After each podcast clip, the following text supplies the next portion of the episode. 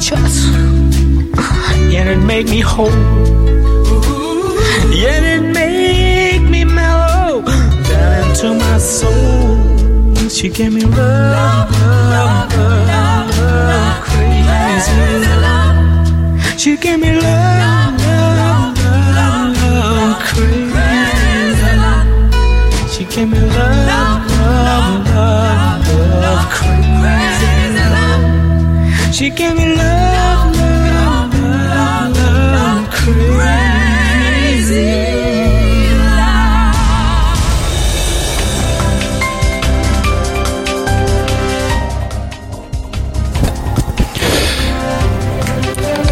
Godzina 7.00, witam serdecznie, dzień dobry, cześć i czołem, Jacek Zimnik. Rozpoczynamy poranek e, Halo Radio.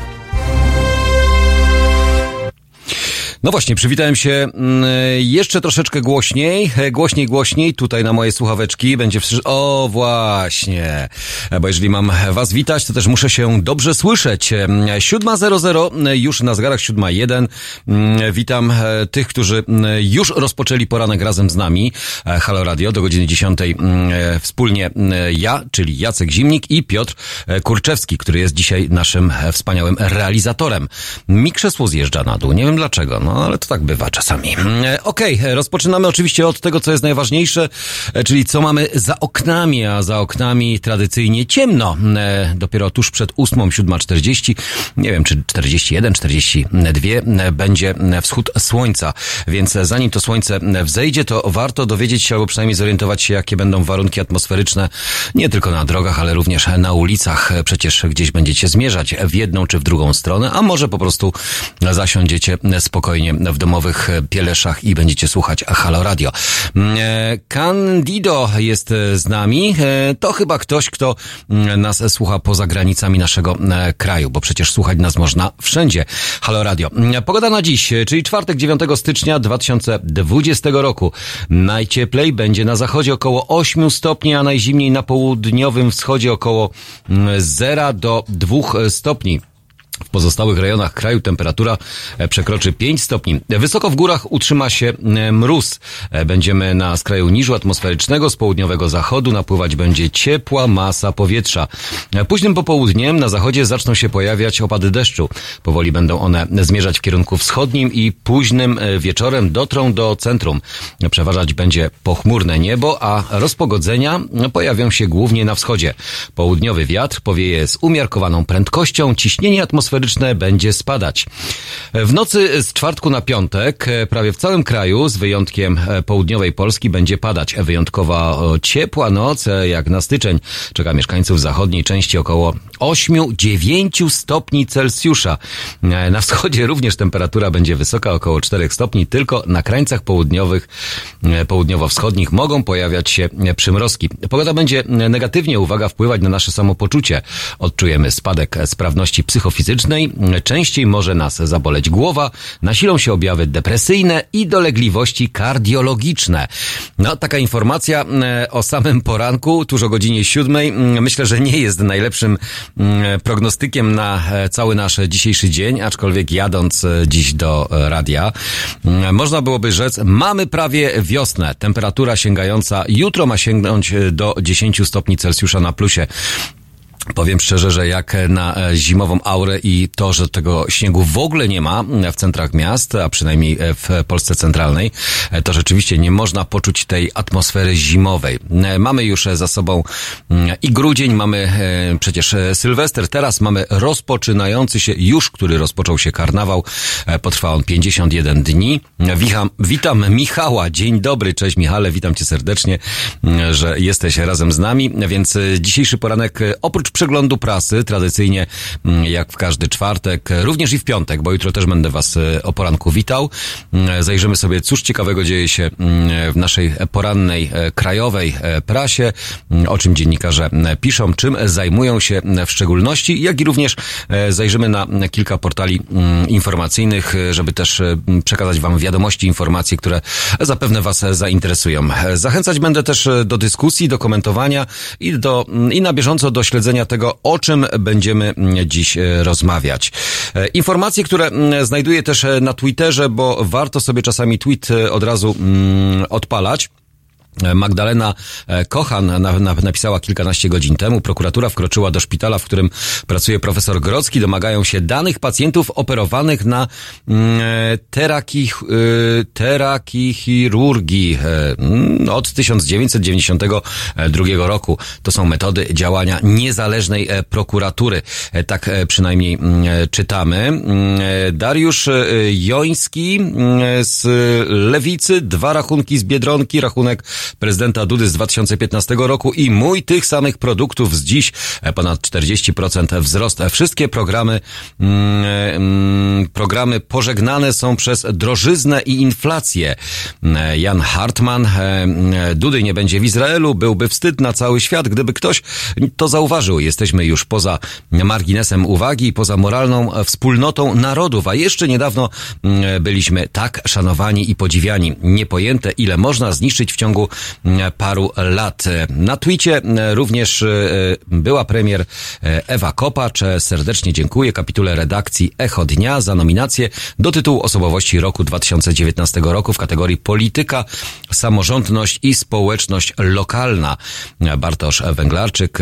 Gdyby w Polskiej Fundacji Narodowej pracował jeden profesjonalista, Polska Fundacja Narodowa sam by sfinansował Forum Holokaustu w Jerozolimie.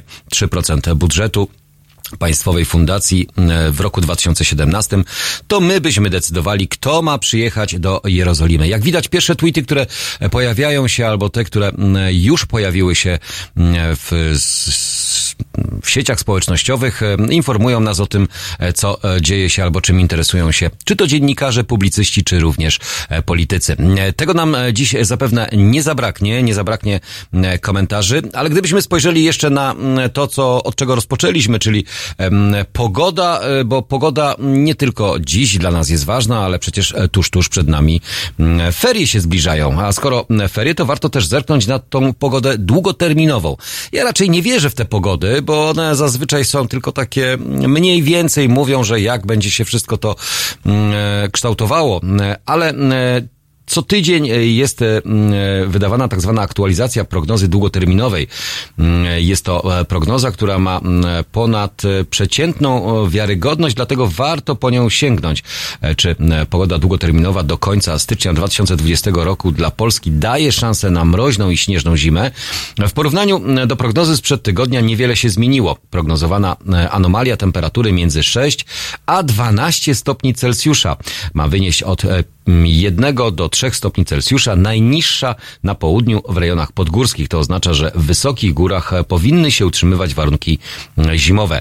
Między 13 a 19 stycznia również niewiele się zmieni.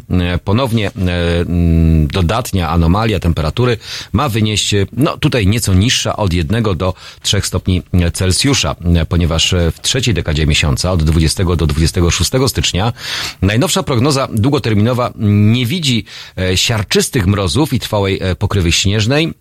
Na nizinach anomalia temperatury ma wynieść znów od 1 do 3 miejscami, no powyżej nawet 3 stopni Celsjusza. Również na przełomie stycznia i lutego, między 27 a 2 lutym nie widać e, siarczystych mrozów. Anomalia temperatury może sięgnąć od 2 do, no tutaj do minus 4 e, stopni Celsjusza.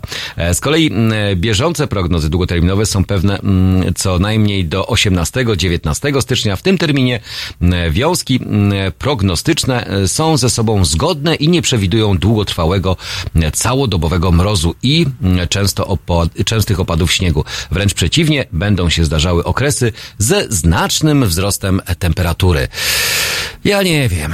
To lepić chyba nic już nie będziemy w tych naszych miastach. Śniegu zobaczyć to go nie zobaczymy. Ewentualnie możemy sobie zawsze powspominać, czy ewentualnie sięgnąć do fotografii, czy do telefonu, gdzie mamy zapisane albo zarejestrowane te momenty, gdzie ten śnieg e, w miastach leżał, ale to dobrze. Z jednej strony, e, jeżeli nie jesteście przyzwyczajeni do tego albo przygotowani do takich e, siarczystych mrozów, to może może rzeczywiście mm, niech będzie jak będzie. Mm, Do Wielkanocy e, zamiast przecież e, e, lepić bałwany, to albo w- m, przy Wielkanocy zamiast zająców, mm, to pewno wtedy będziemy lepić bałwany, a teraz zamiast bałwanów to e, zające, które nam e, będą może nie towarzyszyły, ale przynajmniej przypominały o tym, że no niestety zima już, e, mm, zimy nie ma, e, no ale za to my jesteśmy.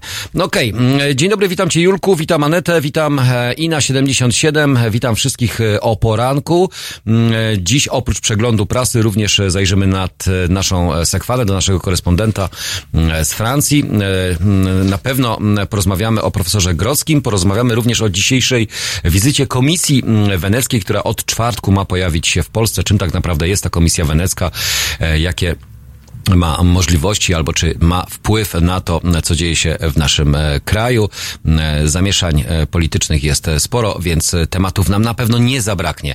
Zachęcam Was do komentowania, do czatowania i do śledzenia tego, co dzieje się na antenie Halo Radio. Mobi Flower teraz na naszej radiowej antenie Halo Radio, a ja wracam do Was dosłownie za chwilę.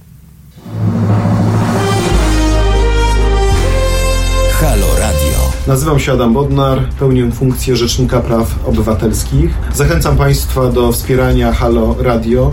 To jest pierwsze radio obywatelskie, radio, które istnieje dzięki Państwa wpłatom, dzięki Państwa darowiznom, dzięki Państwa stałym zleceniom. Zachęcam Państwa do przekazania drobnych kwot. Dzięki temu ten projekt będzie mógł się dalej rozwijać. www.halo.radio ukośnik SOS.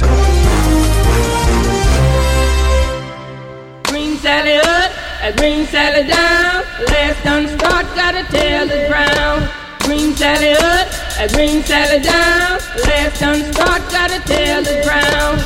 Green Sally up, a green Sally down.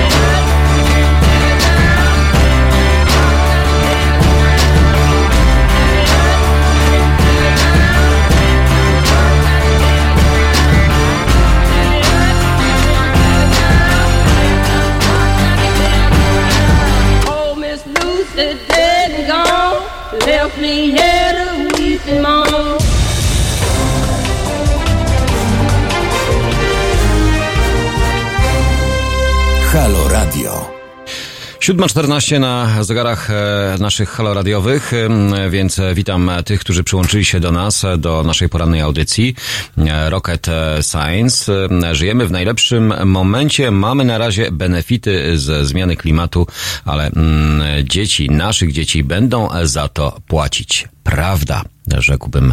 E, przyłączam się oczywiście do takich mm, smutnych mm, informacji, które mm, niestety, jeżeli nie będziemy reagować, e, nie będziemy przyłączać się i nie tylko jako my indywidualnie, ale również e, grupowo, czy poszczególne kraje, czy regiony, to na pewno nie poprawi się sytuacja, może tylko i wyłącznie się pogorszyć. Chociaż wszyscy robią to, że albo przyczyniają się do tego, że w jakikolwiek sposób e, działamy aktywnie. E, ekoprezydenci, o tym rozmawialiśmy mm, ostatnio mm, w poniedziałkowej audycji, ale mm, taki ekoprezydent, który na, na sztandarach niósłby właśnie hasła mocno ekologiczne, mógłby większą e, skupić wokół siebie grupę ludzi, którzy by go akurat poparli. Bo to jest chyba rzeczywiście temat numer jeden. Ale gdy spojrzymy na rok ten, który już, w którym już i jesteśmy obecnie, rok 2020, według sondażowni Cebos. Ja wiem, jak to jest z tymi sondażowniami. Ostatnio również e, profesor Groski odniósł się do jednego e, z sondaży, do którego też chyba na, na pewno gdzieś w międzyczasie e, nawiążę że są takie sondażownie fejkowe, które nie robią nic innego, e, tylko publikują różnego rodzaju mm, na zlecenia mm, informacje, a to dotyczące mm, właśnie samego profesora Grodzkiego przez e, telewizję publiczną, która, który pokazywał, e, że profesor powinien ponieść konsekwencje i że, że przyjmuje łapówki. Większość Polaków tak uznała według tej sondażowni. So, so, society bodajże jakaś tam pracownia, która w swojej działalności działalności według profesora, bo e, idę za słowami profesora, e, zrobiła tylko i wyłącznie dwa dotychczasowe sondaże, a znalezienie jej miejsca działania jest bardzo trudne. Okej, okay, ale sondażownia Cebosowska jest może nie tyle co bardziej wiarygodna, ale gdy patrzymy na badania przeprowadzone przez tą sondażownię dotyczące naszych czy to nastrojów, czy tego jak postrzegamy dany rok bieżący albo poprzednie lata, Tutaj mm, patrzymy mm, na e, wynik sondażowni, co do przyszłości Polski. Okazuje się, że 46% Polaków prognozuje, że 2020 będzie dla nich osobiście, osobiście lepszy niż 2019. Co do przyszłości Polski optymistami jest e, raptem 38% badane, a w odniesieniu do przyszłości świata 31% wynika z sondażu Cebosu.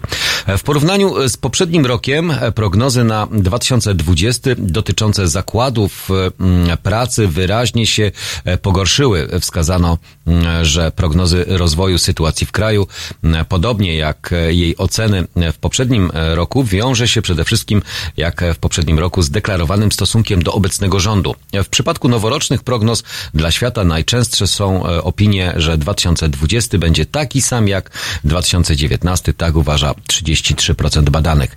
Badanie prognozy na rok 2020 przeprowadzono na przełomie listopada i grudnia ubiegłego roku. Badanie przewidywań na temat nadchodzących, nadchodzącego roku przeprowadzono w grudniu, przeprowadza się niemal w grudniu od 30 lat, czyli są pewne trendy, są pewne Mm, no, e, takie przewidywanie, albo można to fajnie przeanalizować. 46% respondentów prognozuje, że e, ten rok będzie dla nich osobiście lepszy od poprzedniego, a 44, że będzie lepszy dla ich rodzin. E, przy czym prawie mm, po 4% sądzi, że będzie to rok o wiele lepszy od e, poprzedniego. O tym, że mm, ten obecny rok będzie dla nich e, taki sam jak 2019, przekonanych jest 36%. Mm, ja jestem ciekaw, jak wy do tego podchodzicie, do takich może nie tyle pytań, ale do tego, czy ten rok będzie lepszy, czy będzie gorszy. Ja uważam, że pytanie jest na tyle może nie absurdalne, ale zazwyczaj, gdy coś się kończy, a wchodzimy w nowy rok, to zawsze jesteśmy pełni nadziei i optymizmu, że ten następny lub ten bieżący rok będzie dla nas osobiście lepszy, jak i również dla naszych e, rodzin. No bo przecież kto by sobie życzył lub kto by miał nadzieję, że nie, ten rok będzie zdecydowanie gorszy. Zawsze jesteśmy optymistami, nie możemy przecież być cały, cały czas pesymistami. Chociaż mm, nasze społeczeństwo e, patrzeć można byłoby wstecz, e, albo zerknąć na to, jak to wszystko u nas funkcjonuje, że jesteśmy generalnie malkontentami, narzekamy i szukamy dziury w całym. Bo tacy jesteśmy. No niestety, przynajmniej ja mam takie poczucie, że gdzieś właśnie Albo może dlatego, że otaczam się takimi ludźmi, którzy e, tylko i wyłącznie otaczają się swoistymi problemami, albo te problemy emanują na zewnątrz, a my po prostu je e, przyjmujemy do siebie. Więc e, fajnie, że w te takiej sondażowni więcej mamy optymistów, będących pełni nadziei, że tutaj coś się poprawi, niż tych pesymistów. No to może ja powinienem zmienić otoczenie. Bo to chyba tak byłoby najlepiej, tak? Otaczajmy się tymi, którzy dają nam energię, a nie tymi, którzy nam tą energię e, zabierają. E, takich wampirów energetycznych wokół nas jest mnóstwo mm, i myślę, że mm, to nie jest wcale dobre, mm, bo dzielić się można energią, ale nie tak, żeby ją całkowicie utracić. To odnośnie optymizmu i pesymizmu. Generalnie prognozy na nadchodzący rok dotyczące samych e, respondentów i ich rodzin, czyli osób biorących udział w takich sondażach, są mniej optymistyczne niż przed rokiem. Jednocześnie porównując prognozy prognozy na 2020 z prognozami e, e, formułowanymi w odniesieniu do poszczególnych lat, począwszy od 91 roku, możemy zauważyć, iż w tym okresie w wymiarze osobistym jedynie trzy razy z rozpoczęciem nowego roku więcej osób niż obecnie oczekiwało poprawy swego losu. Dotyczyło to roku 2006, 2008 i 2019. A jeśli chodzi o rodziny, to częściej niż w 2020 nadziejami na poprawę losu witane były jedynie lata 2006, 8, 18 i 19. Czytamy w komentarzu do wyników badania. Podano e, w nim, że e, przewidywania e, tego, jaki będzie obecny rok w wymiarze osobistym i rodzinnym, zależą głównie od oceny własnych warunków materialnych. Najbardziej optymistycznie przyszłość swoją i przyszłość swych rodzin w nadchodzącym roku widzą badani, którzy dobrze oceniają warunki materialne swoich gospodarstw domowych. Im niższa ocena aktualnych warunków, czyli im gorzej nam się wiedzie, tym nasz optymizm jest zdecydowanie mniejszy. Mniej optymistyczny optymistycznie niż w odniesieniu do życia prywatnego są mm, przewidywania sytuacji zakładów pracy, czyli tam, gdzie pracujemy. Badani pracu, y, pracujący zawodowo niemal równie często spodziewają się, że dla ich zakładów ten obecny rok będzie lepszy niż poprzedni, jak i mm, tego, że będzie taki sam jak e, poprzedni, czyli y, no, nic się takiego specjalnego nie zmieni. Po prostu marazm, stagnacja. W porównaniu z poprzednim rokiem e, prognozy na e, obecny dotyczące zakładów pracy wyraźnie się pogorszyły. Po 5 punktów procentowych ubyło aktywnych zawodowo uważających, że nowy rok będzie dla ich zakładów pracy lepszy niż poprzedni, a przybyło tych, którzy spodziewają się w tej sferze pogorszenia. E, czyżby taka obawa, że to, co obecnie dzieje się w naszej gospodarce, może się pogorszyć i może mieć ogromny wpływ na również działalność naszego zakładu pracy? No na pewno sytuacje związane czy to z podwyżkami, nie mówię o akcyzie na alkohol e, czy na wyroby tytoniowe, ale na przykład podatek cukrowy. Chociaż nie, to nie jest podatek cukrowy, przecież nikt tego tak nie nazwał. To jest taki dodatek cukrowy, dla naszego zdrowia, abyśmy tego cukru mniej spożywali. Mm, jadąc tutaj do mm, radia, e, słuchałem e, też paru rozgłośni radiowych, e, tam właśnie informacje przekazywane na takiej zasadzie, że przecież w jednej butelce dwulitrowego napoju, takiego ciemnego, mamy prawie 70 kostek cukru no to 70 e, kostek cukru jednorazowo mm, spożyć. No, ja wiem, że może dwulitrowego napoju nie jesteśmy w stanie wypić od razu, chociaż co niektórzy spragnieni zapewne by wypili. Ale 70 kostek cukru to dla naszego zdrowia. Więc e, wszystkie podatki tego typu to są tylko i wyłącznie dla naszego zdrowia, mówią rządzący. Ja myślę, że mm, to nie jest tak e, do końca, bo przecież gdzieś trzeba uciułać ten budżet, który mm, ma być zrównoważony. Mamy wydawać tyle samo, ile wpływa do tego budżetu. Więc zawsze te wszelkiego rodzaju dziury i różnego rodzaju prognozy, które słyszymy odnośnie podwyżek, to nie, nie są żadne podatki według rządzących. To wszystko dbanie o nasze zdrowe społeczeństwo, abyśmy byli zdrowi, mniej słodzili, mniej spożywali produktów szkodliwych, a bardziej dbali właśnie o to, żeby w tym budżecie było więcej pieniędzy. No to tak sobie to wszystko poukładali. Mm, Michał jest z nami, przyłączył się mm, do nas. E, PK Chris również. E, dobry rok dla Polski będzie jak się zmieni prezydent. Każdy z kandydatów będzie lepszy.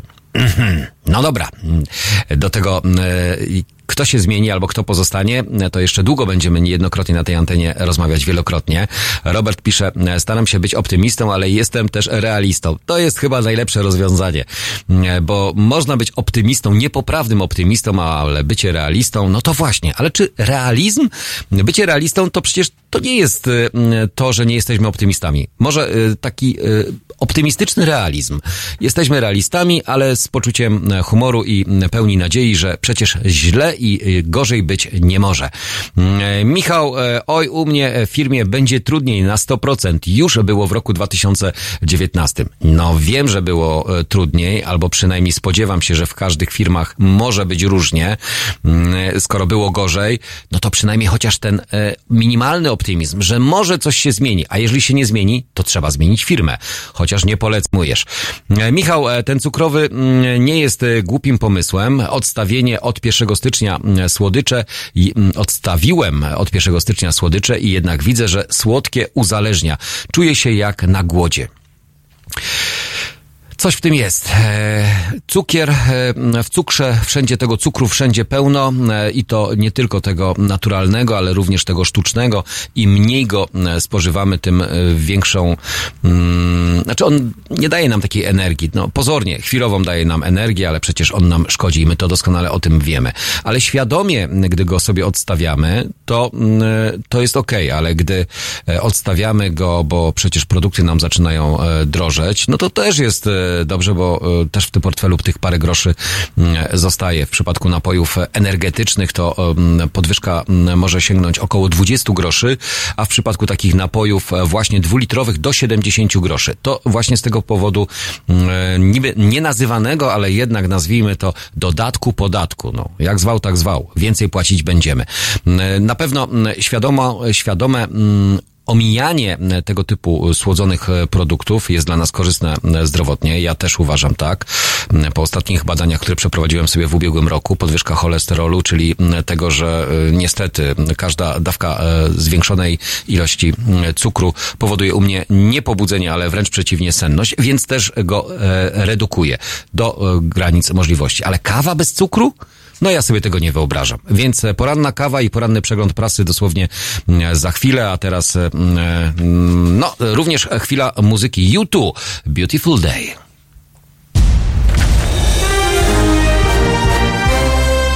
W sobotę? Od 17 do 19 Estera Prugar i jej kulturalnie muzyczni goście. 17-19. www.halo.radio. Słuchaj na żywo, a potem z podcastów.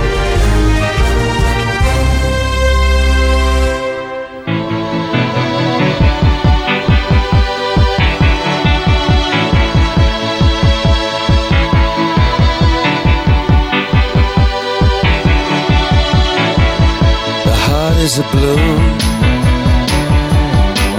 Shoots up through the stony ground There's no room. No space to rent in this town. You're out of luck. And the reason that you had to care The traffic is stuck. And you're not moving anywhere thought you found a friend to take you out of this place. Someone you can lend a hand in return for grace. A beautiful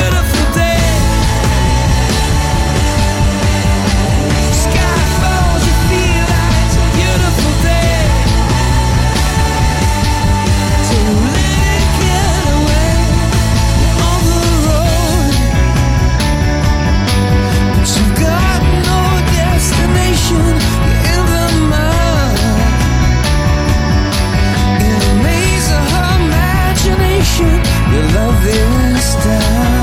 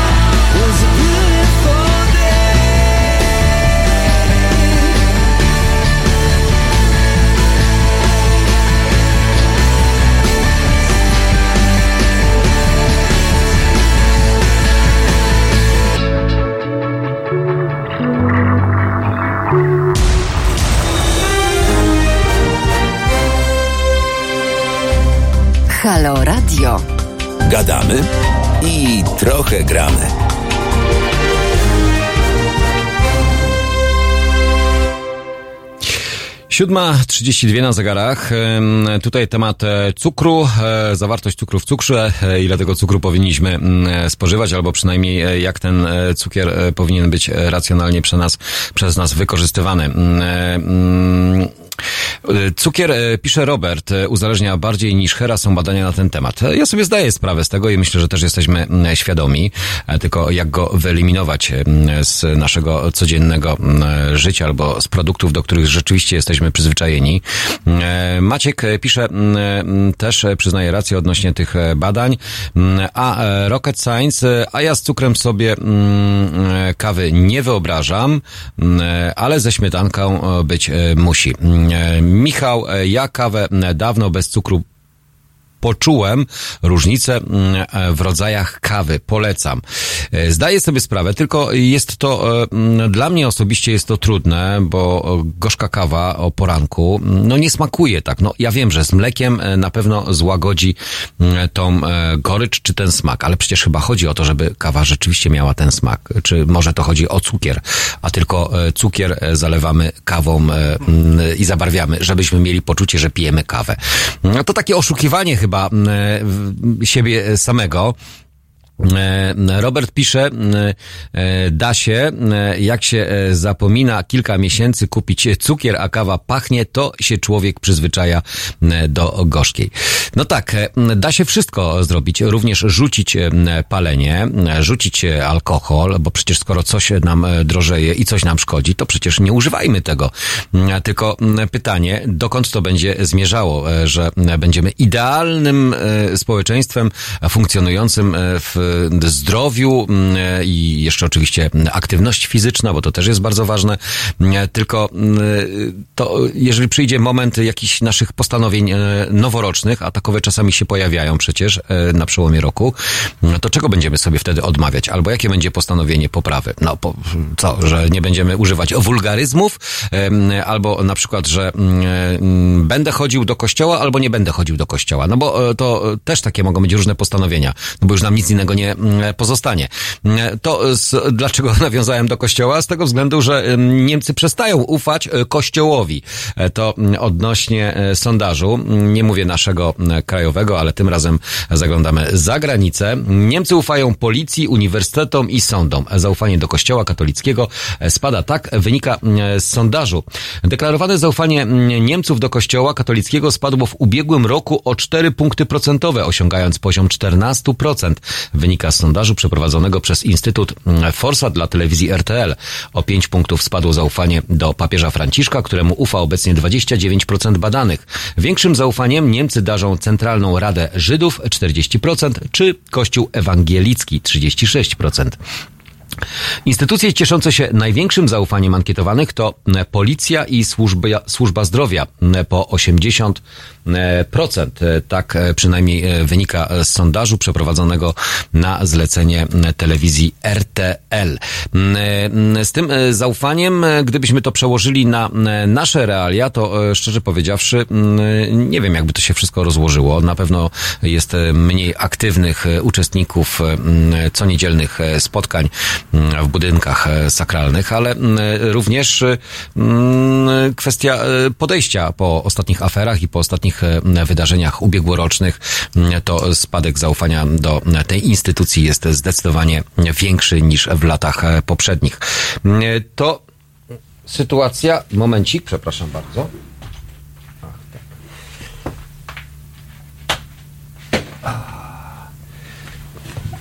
Coś mi się tutaj rozłączyło i dlatego musiałem szybciutko e, to e, ponownie podłączyć, e, a mianowicie zniknęły mi dane dotyczące sondażu, a to ze względu, że dane były w komputerze, a komputer przez brak prądu, no niestety mi to umknęło. Ale wracając, ja za chwileczkę wrócę do tego sondażu RTL-owskiego. Patrząc jeszcze na wasze komentarze, Panie Jacku, zależy ile pan tego daje. Jedną czy cztery łyżeczki odnośnie cukru. No, e, ja tak szczerze powiedziawszy, e, dwie i pół. No, To dwie i pół to tak, e, ale czasami daję dwie. E, To wtedy mówię, że będę zdecydowanie mniej sobie e, słodził. Ale lubię, lubię po prostu słodką kawę. No to jest właśnie to uzależnienie od cukru. Cukier powinien być może wszech, e, znaczy powszechnie powinien być niesprzedawany albo rzeczywiście bardzo drogi. Ale tylko pytanie, czy podnoszenie cen jakiegokolwiek produktu wywołuje u nas tą reakcję, że okej, nie będę na przykład tego kupował, bo za drogo.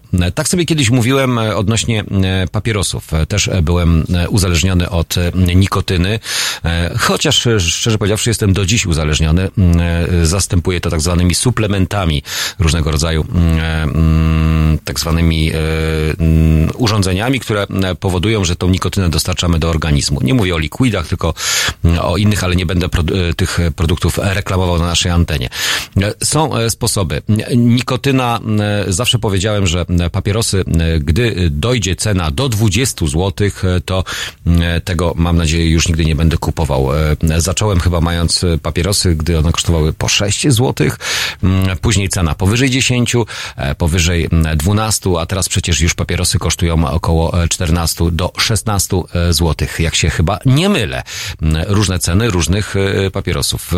Więc czy cena nas odstrasza? Nie, cena nas absolutnie nie odstrasza. Bardziej świadomość, uświadamianie i poukładanie sobie tego w głowie, bo każde uzależnienie to jest tylko i wyłącznie to, co mamy w głowie. To my musimy sobie to poukładać, powiedzieć, że mm, mm, produkt, który nam jest potrzebny albo którego organizm się domaga, czy to właśnie e, nikotyny, czy to cukru, przecież tego cukru mamy mm, w każdych produktach, wszędzie. Gdzie byśmy e, czego nie zjedli, e, to tam przecież jest cukier, czy to fruktoza, czy naturalne cukry, czy właśnie te syntetyczne cukry.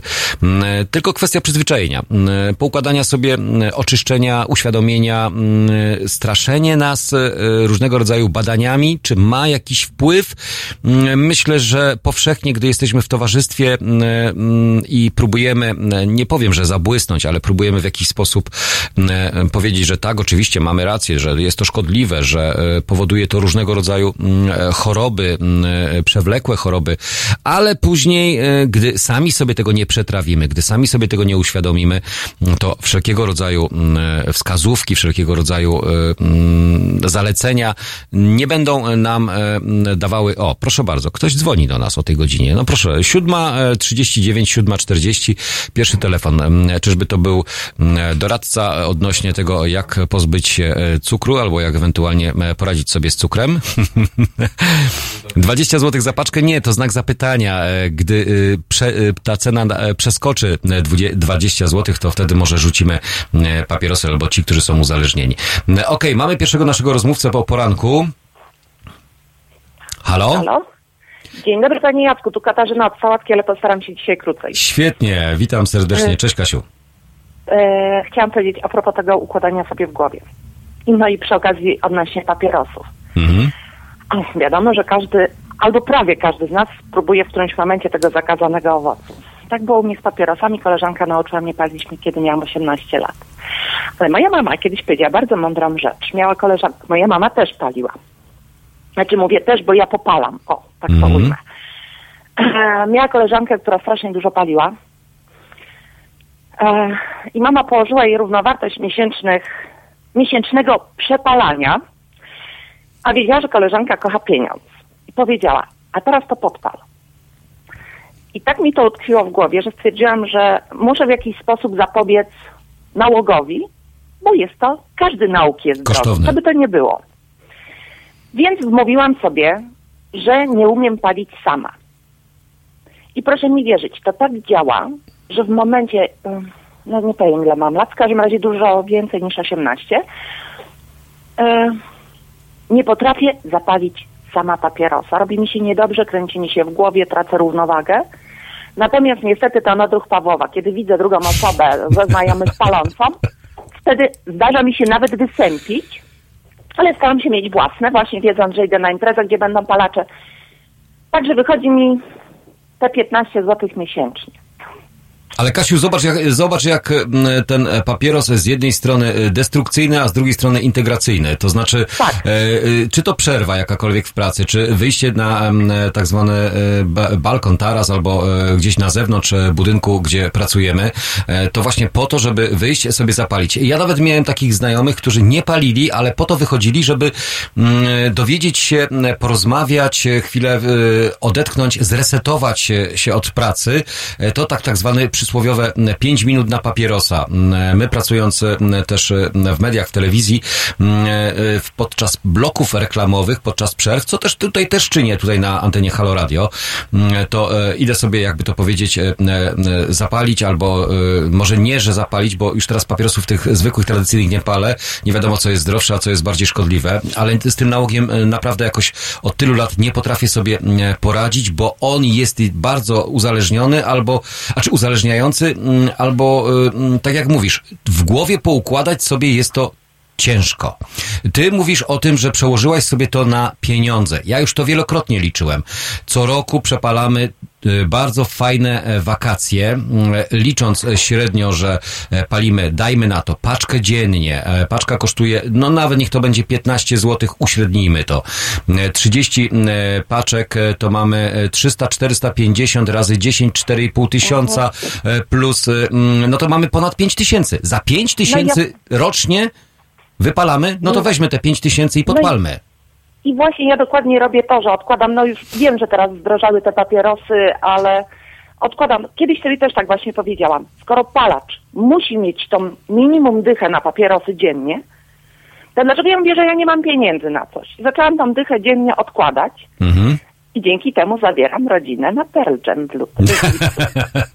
No i widzisz, jest Polecam. cel, jest cel, jest cel i to jest e, super, m, gdy potrafimy m, te pieniądze przełożyć na bardziej wartościowe rzeczy, e, nawet e, właśnie wspólne wyjazdy, czy koncerty, m, czy plany, ale z drugiej strony zawsze jest tak, że jak nie palimy, to wtedy podjadamy, podjadamy, efekt taki, że zaczynamy rzeczywiście tą reakcję e, potrzeby, nie wiem, e, takiej automatyzacji palenia, czy ewentualnie wychodzenia, no to e, nie wiem, albo słodkości. No i właśnie zobacz, znów następny nauk, czyli cukier, tak? Czyli różnego rodzaju słodycze, które powodują u nas, że szukamy jakiegoś zamiennika.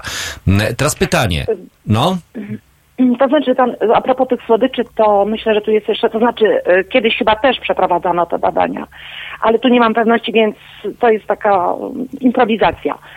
Ja, ja, ja, ja, ja też cały czas improwizuję. Prawdopodobnie ten nawyk słodyczy wyrabiają w nas rodzice, więc hello, kochani rodzice, nie nagradzajmy dzieci słodkim, bo to nam się kojarzy z czymś miłym, z czymś dobrym. Ale Kasiu, ja powiem ci, wiesz co, z jednej strony to jest nagradzanie, tak, czekamy na tą czekoladę od cioci, czekamy na różnego rodzaju prezenty, m, e, czy to e, e, z okazji różnych e, świąt, e, czy uroczystości, m, imienin, urodzin, otrzymujemy zawsze te słodkości. Ale czy to nie jest właśnie tak gdzieś w naszych głowach, że coś m, e, dajemy komuś, bo tego nigdy wcześniej nie było w takim nadmiarze, albo coś, co jest takie e, ogólno niedostępne, okej, dobra, szkodliwe, szkodliwe, bo wiemy, że cukier, zawartość cukru i tak dalej e, powoduje otyłość. E, Społeczeństwo mamy coraz m, bardziej otyłe, m, a w szczególności jeszcze m, dzieci, które się mniej ruszają, ale z drugiej strony zakazywanie danych produktów, u mnie nigdy nie było czegoś takiego, że słodkości były wydzielane, bo jeżeli coś jest zakazywane, to każdy tego chce.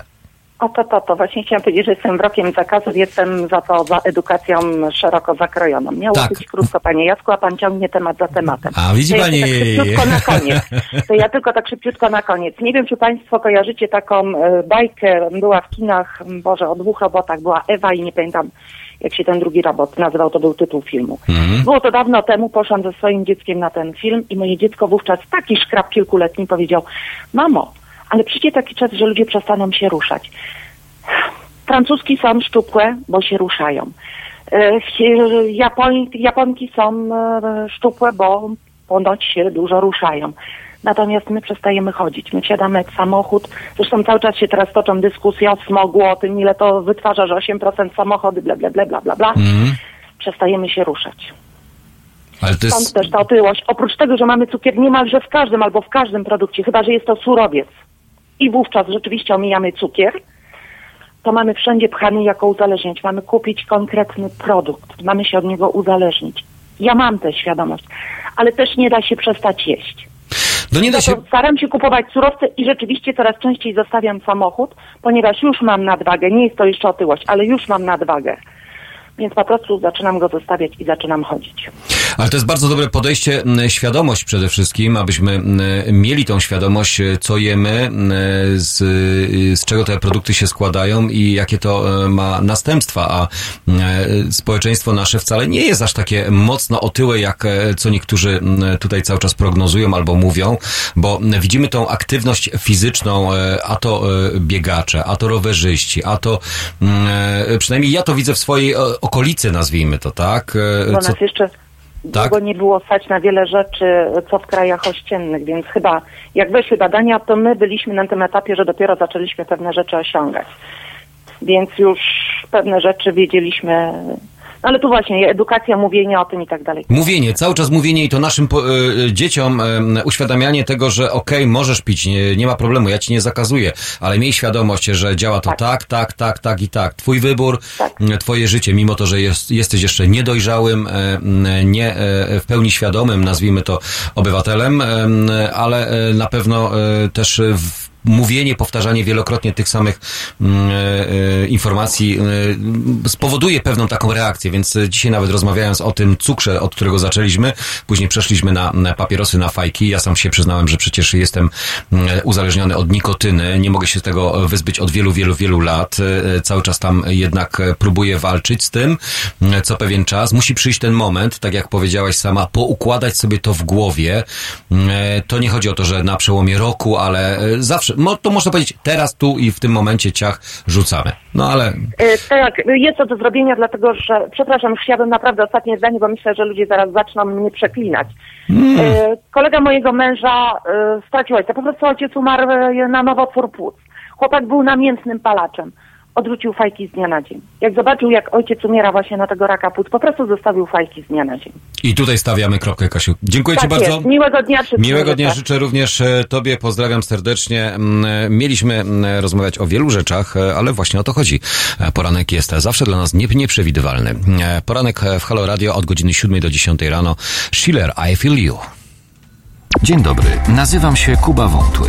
Jestem pomysłodawcą projektu Halo Radia, pierwszego w Polsce w pełni profesjonalnego medium dla obywateli. Dla niektórych z Państwa jestem też ojcem dyrektorem, chyba dlatego, że czasami udzielam się w naszych programach nagle i z zaskoczenia. I dobrze, wszak dobre toruńskie wzorce są zawsze w cenie, no poza tym jednym.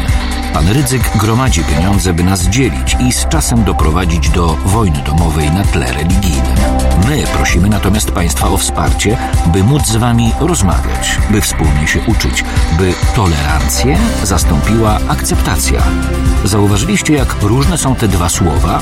Akceptujmy siebie i akceptujmy to, że po 30 latach, od 1989 roku, tylko dzięki państwu możemy tworzyć medium bez udziału polityków i nie na pasku korporacji.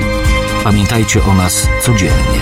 Jeśli chcecie być częścią naszej społeczności, to słuchajcie, oglądajcie, piszcie, mówcie i finansujcie swój obywatelski projekt Halo Radia. www.halo.radio ukośnik SOS. Dziękuję w imieniu wszystkich dziennikarzy i swoim własnym.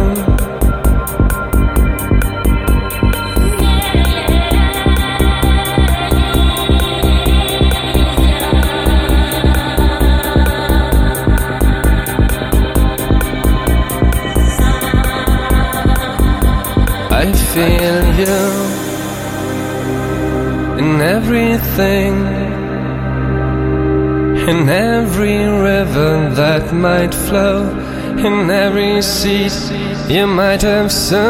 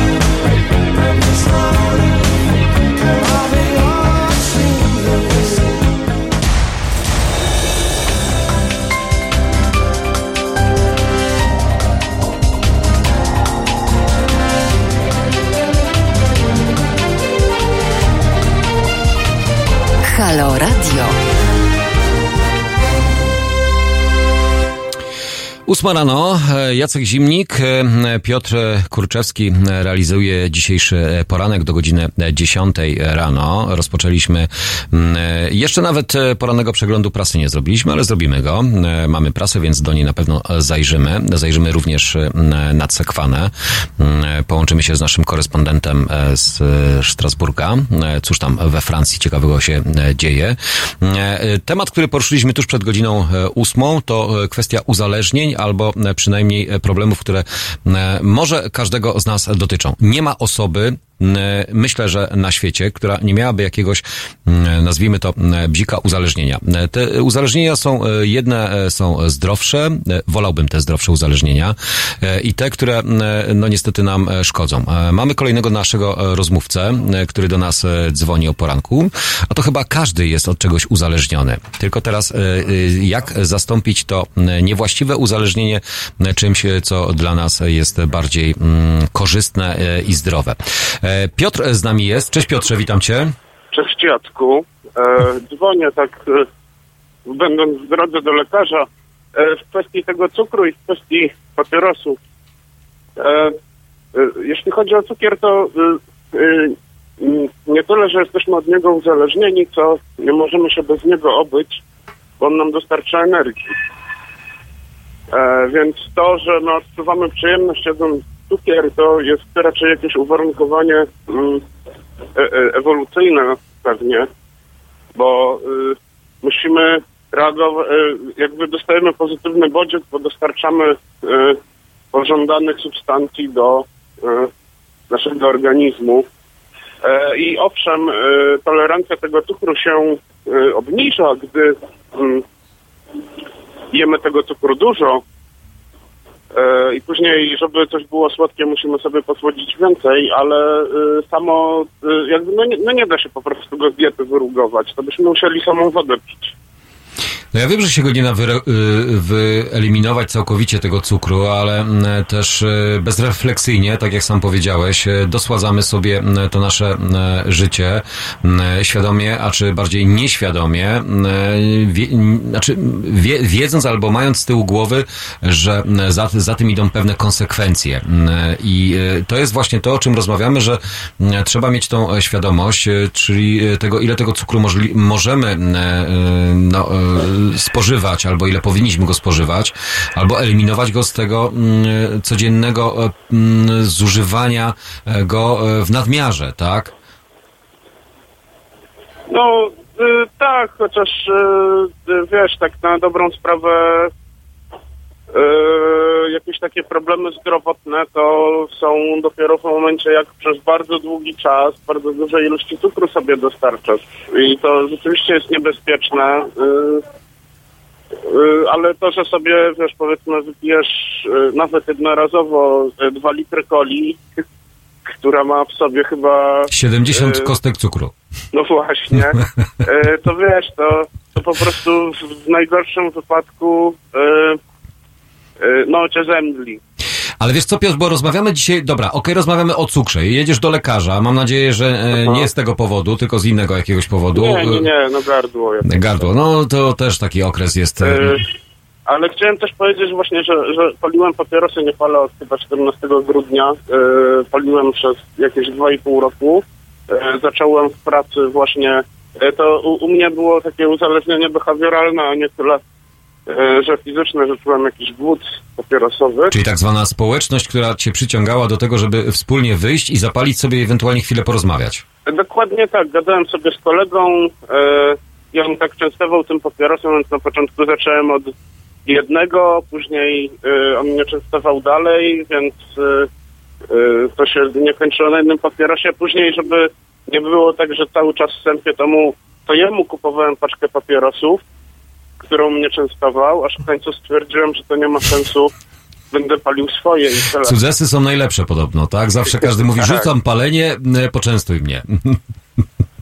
Albo ograniczam No. palenie. No, a czy zobacz, e, z jednej strony mówimy o cukrze, z drugiej strony mówimy o e, papierosach, o nikotynie, o tym, e, że jesteśmy od czegoś uzależnieni, ale tutaj roz, z Piotrem rozmawialiśmy też, naszym realizatorem, o tym, że każdy człowiek ma jakieś uzależnienie, tylko te mniej lub bardziej szkodliwe, bo nawet uzależnić się można od sportu, od nadmiernego wysiłku, od nadmiernego osiągania efektów, które też oczywiście mogą e, nas przeforsować e, e, i zamieniamy, zamieniamy jeden e, na drugi e, który mm, mam znajomego, który zaangażował się właśnie z jednego nałogu na aktywność sportową. Bardzo dobrze, oczywiście pochwalamy to, bo wiadomo, że sport to zdrowie.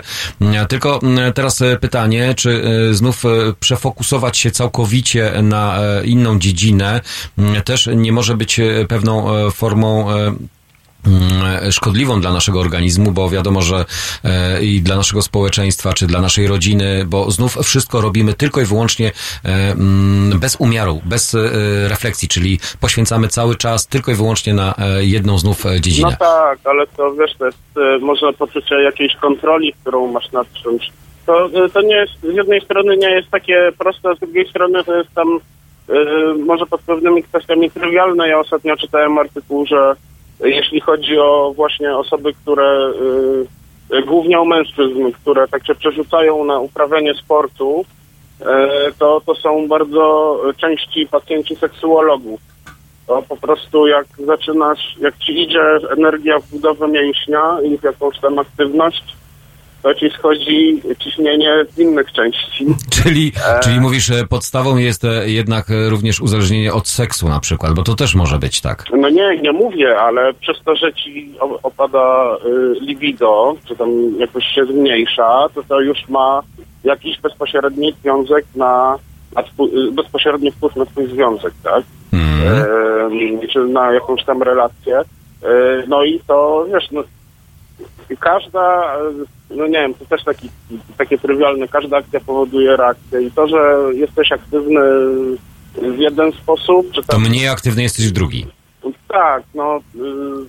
Albo ewentualnie mniej aktywny jesteś e, w tym, e, w tym, w tym drugim sposobie, e, to próbujesz swoją aktywność zwiększyć w dziedzinach sportu na przykład, tak? No to też, wiesz, można to w dwojaki sposób e, m, tłumaczyć, ale wszelkiego rodzaju uzależnienia są generalnie dla nas szkodliwe i myślę, że m, ta, zachowanie tej równowagi chyba jest najbardziej trudne.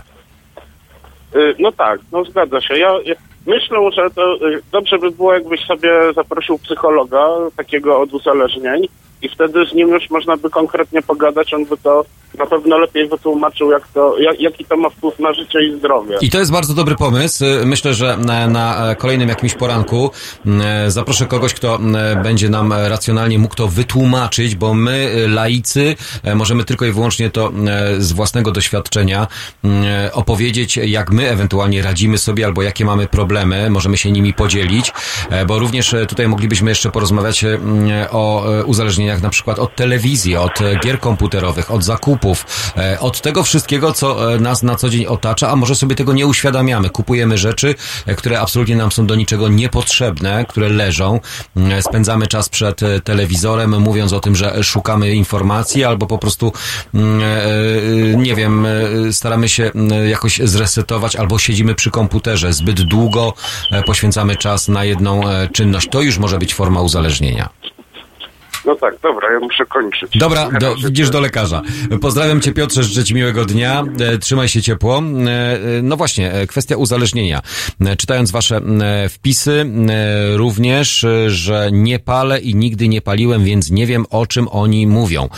Pisze e, e, Mm, e, e, Wystąpić, e, wysępić, czyli tak zwane cudzesy są najlepsze. No tak, no to o tym żeśmy rozmawiali.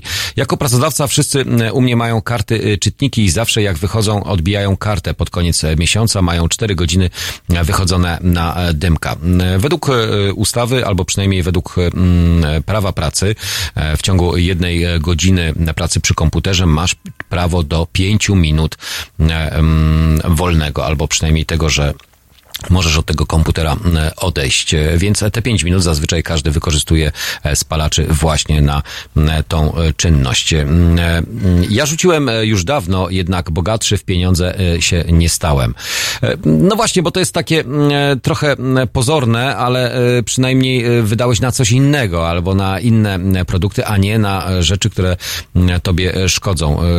Tutaj była propozycja wrzuc- wrzucania pieniędzy do słoika każdorazowo, czyli dziennie, jeżeli nawet nazwijmy to, wrzucimy tą dyszkę, chociaż już teraz fajki i papierosy nie kosztują e, 10 zł, chyba że e, sprowadzane z jakiegoś innego kraju, to e, może bez akcyzy, to wtedy tak, ale nie polecamy absolutnie, bo pamiętajcie, nie kupowane produkty, kupowane produkty bez akcyzy, to przecież e, pieniądze nie wpływają do naszego budżetu, a budżet się musi zapełniać po to, żeby z niego można było później brać. E, m, Tutaj m, również e, komentarz e, w ciągu roku e, to 48 godzin przepalonych na dymka, czyli tydzień pracy. I co ja mam płacić za tydzień? Z tą umową o pracę, e, to w dzisiejszym dodatku mm, dziennika Gazety, mm, e, Dziennik Gazeta Prawna, umowy o pracę, e, zlecenia i o dzieło. Taki dodatek, który zapewne się wielu osobom przyda w nowym roku. Mm, Te, y, no, to jest bardzo ważne, żebyśmy e, pracowali jednak e, w godnych warunkach i na normalnych e, zasadach, a nie na umowę o dzieło bez świadczeń czy bez urlopu. No, chyba, że zatrudniasz wszystkich na umowę o pracę i ten tydzień to rzeczywiście dodatkowy tydzień przepalony. No, tak można byłoby rzec. Kitbo, e, 23 listopada rzuciłem fajki. W grudniu uświadomiłem sobie, że miesięcznie przepalałem mm, Casio Edefisa ze średniej półki. Mm, Także w grudniu zakupiłem sobie świetną e, przypominajkę, teraz cukier. E, Okej, teraz cukier, a później mm, następne produkty, które też mogą gdzieś mm, nas boleć po kieszeni albo boleć e, po naszym zdrowiu, więc wszelkiego rodzaju uzależnienie, wszelkim rodzajem uzależnień nie mówimy nie, ale czy tak się da? Czy da się e, żyć bez jakiegokolwiek uzależnienia. E, Godzina 8.12. Mm, My wracamy e, do Was za chwilę. Tila w liceum. Jak to było w tym liceum? Posłuchajmy.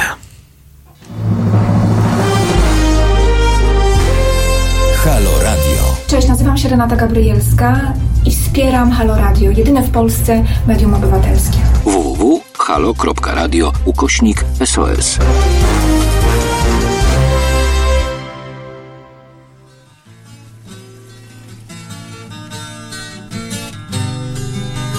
Dzień dobry maleńka, jak ci na imię?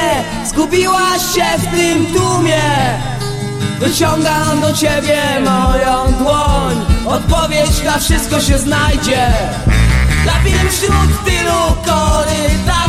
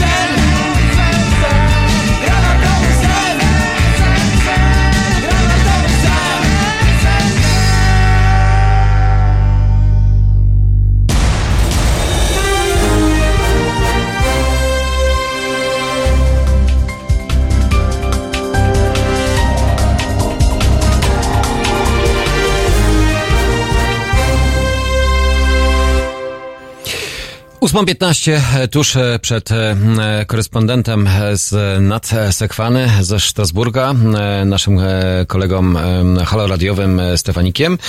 Jeszcze odnośnie tego, co dzieje się w kościołach, niekoniecznie tylko i wyłącznie niemieckim, gdzie spada zaufanie do kościoła katolickiego, ale również naszym e, polskim kościele. Pustoszejące kościoły i wierni uciekający od sakramentów e, szkoły, w których e, nie ma ani jednego chętnego do uczestniczenia na lekcji religii.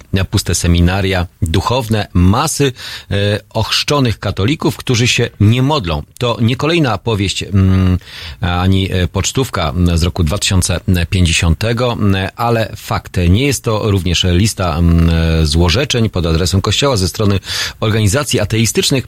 To stan rzeczy, jaki widzą sami wierni, duchowni i katolickie media, przynajmniej ilekroć spojrzy się na badania religijności Polaków. Od kilku lat biją na alarm szczególnie głośno, bo gwałtownie zmieniają się, zmienia się stosunek do wiary młodego pokolenia i to, co widać w liczbach, pozwala zrozumieć ten e, alarmistyczny ton. Polska młodzież laicyzuje się najszybciej na świecie. E, Ostatnia e, diagnoza Cebosu, e, młodzież e, 2018 roku, opublikowana w maju poprzedniego roku, daje obraz tej sytuacji. W ankietach autorem badania był Antoni Głowacki. Zapytano m.in. o wiarę i stosunek do niej, praktyki religijne, uczestnictwo w lekcjach religii i opinie o tych zajęciach. Wystarczy przejrzeć wyniki, by zauważyć, że mamy do czynienia z jednoznacznym spadkiem religijności młodych Polek i Polaków. We wszystkich chyba kategoriach e, wskaźnik religijności mm, e, to najniższy mm, od ponad 20 lat. E, Z kolei badania amerykańskiego mm, Pew Research Center, również z roku 2018, pokazały, że ten pokoleniowy trend właśnie w Polsce ze wszystkich przebadanych krajów globu jest największy. Za osobę głęboko wierzącą albo wierzącą uznaje siebie łącznie 63% badanych. W 96 roku było to 80%. Odsetek deklarujących e, niewiarę niemal e, podwoił się w ciągu ostatnich pięciu lat. Dziś w zależności od pytania wynosi między 17 a 21%, a kolejne 21 to niezdecydowani. Ich też y, więcej przybyło. Ktoś spojrzy na te dane, e, orzeknie być może, że 21% niewierzących to wciąż niewiele w XXI wieku i w kraju członkowskim Unii Europejskiej. E, Święta prawda, ale deklaracje to jedno, a praktyki e, zazwyczaj e, to drugie. E, Wszystkie wskaźniki uczestnictwa w praktykach religijnych są niższe niż wskaźniki deklaracji religijności. Jeszcze niższe są e, pomiary faktycznego udziału w niedzielnych e, mszach e, prowadzone przez Kościół, a konsekwentnie od lat grupą najbardziej uczestniczącą w praktykach religijnych jest młodzież. Według badań Cebosu regularnie na msze bierze udział mniej niż połowa młodych. Ta liczba i tak może być zawyżona poprzez uwzględnienie tych, którzy chodzą do kościoła od święta z okazji na przykład ślubu czy uroczystości w gronie rodzinnym. Sam Instytut Statystyki Kościoła Katolickiego liczył, że komunię przyjmuje na niedzielnych mszach zaledwie 17% parafian. Za to 35% młodych mówi w ogóle Mówi, mm, w ogóle nie uczestniczę w praktykach religijnych. E, To przeszło trzykrotnie więcej niż wynosi odsetek nieuczestniczących mm, w praktykach religijnych w społeczeństwie ogółem 11%.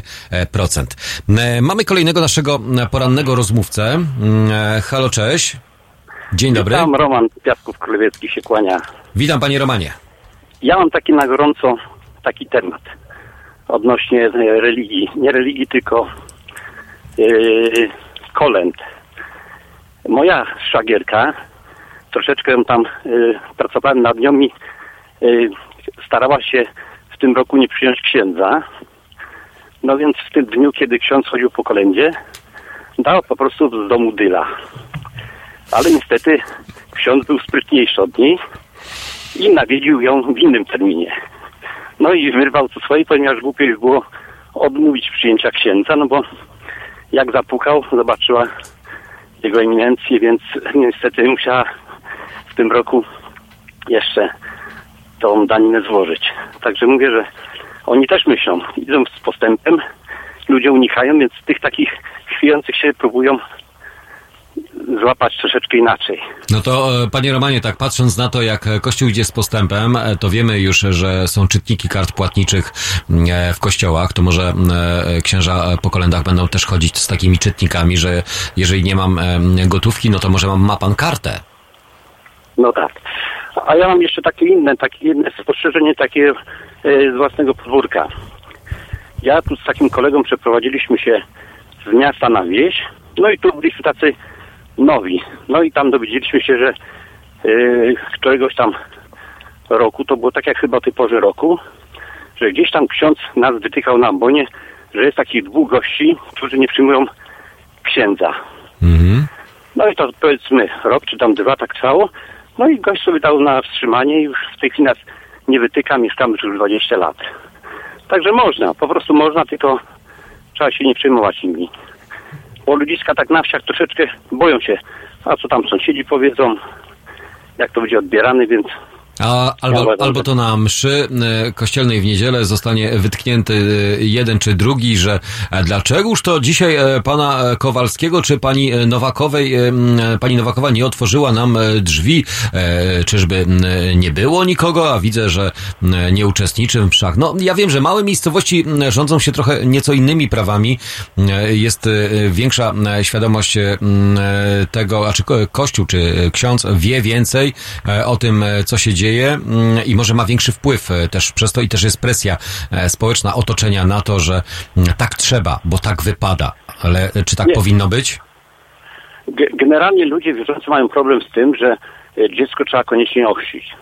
I ksiądz trzyma ich za gardło w ten sposób, że po prostu jeżeli go nie wpuszczą, czy powiedzmy nie będą robić tak, jak on sobie tego życzy, po prostu dziecka im nie ochrzcić, tam powiedzmy nie wyprawi tego e, pogrzebu kościelnego. Na wsi jest o tyle z tym niedobrze, bo są powiedzmy te cmentarze tylko praktycznie parafialne. Więc tutaj może mieć troszeczkę na nich haczyk.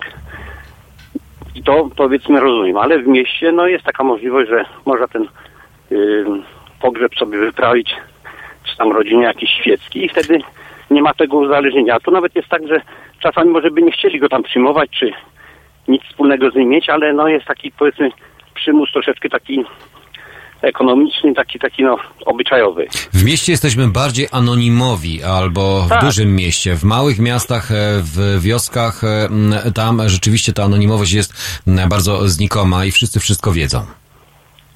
No więc, ale mówię, z tą anonimo- anonimowością jest tak, że trzeba można nie przyjąć księdza, a tu ksiądz moją szwagierkę e, zaskoczył. To akurat było w takiej miejscowości trochę większa jak Sosnowiec, więc chciała go w tym roku uniknąć, no ale niestety nie udało się. Był sprytniejszy od niej, ale w przyszłym roku myślę, że jak będzie nad nim pracować, to po prostu go już nie To może się uda. To może wtedy się uda. No E, właśnie. Panie Romanie, To tyle bym miał. dzięki bardzo, Taką- pozdrawiam, życzę miłego dnia. E, Kłaniam i się. Jeszcze mogę tylko powiedzieć, że w świętokrzyskim pada deszczyk. Pada deszczyk. No tutaj e, w ponieważ Mazowieckim... ziemia potrzebuje tego. No o, no, o, można też wyciągnąć e, d, korzyści z tego, że przecież nie pada śnieg, Znaczy- tylko pada właśnie deszcz. Dzięki bardzo, pozdrawiamy serdecznie. No kłaniam się również, pozdrawiam wszystkich. E, No właśnie, jedni narzekają, że nie ma śniegu, a inni cieszą się, że pada deszcz. E, I niech tak też pozostanie. E, W kontekście m, tego, czy przyjmujemy m, księży m, po kolędzie, czy też unikamy ich, to już jest nasza indywidualna sprawa. Tym pokoleniowym zobowiązaniem albo tego, że wypada coś, albo coś nie wypada, coraz częściej okazuje się, że nie idziemy już w te trendy pokoleniowe, bo babcia kazała, bo rodzice e, zalecali, to my też tak e, czynimy. Już e, coraz bardziej indywidualnie, tylko że niestety nadal dominuje ta większa swoboda w dużych miastach, w małych miejscowościach, na wsiach.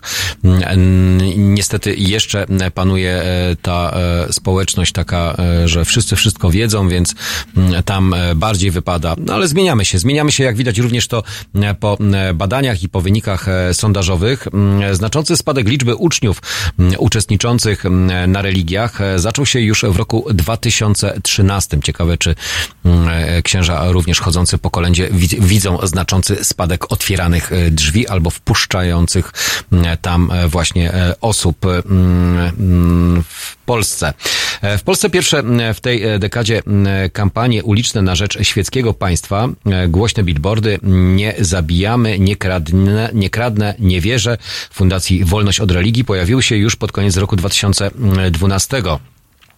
W roku 2015 w Sejmie złożono projekt inicjatywy ustawodawczej Świecka Szkoła. Propozycja religii, us, propozycja ustawy przewidywała e, posty, mm, prosty i jednoznaczny w swoim brzmieniu zakaz finansowania lekcji religii ze środków publicznych. Nie chodziło o zakaz lekcji religii w ogóle, mm, e, ale e, jakby dobrowolność, tak? E, No, a zarazem też niefinansowanie z naszego, nazwijmy to, budżetowego worka.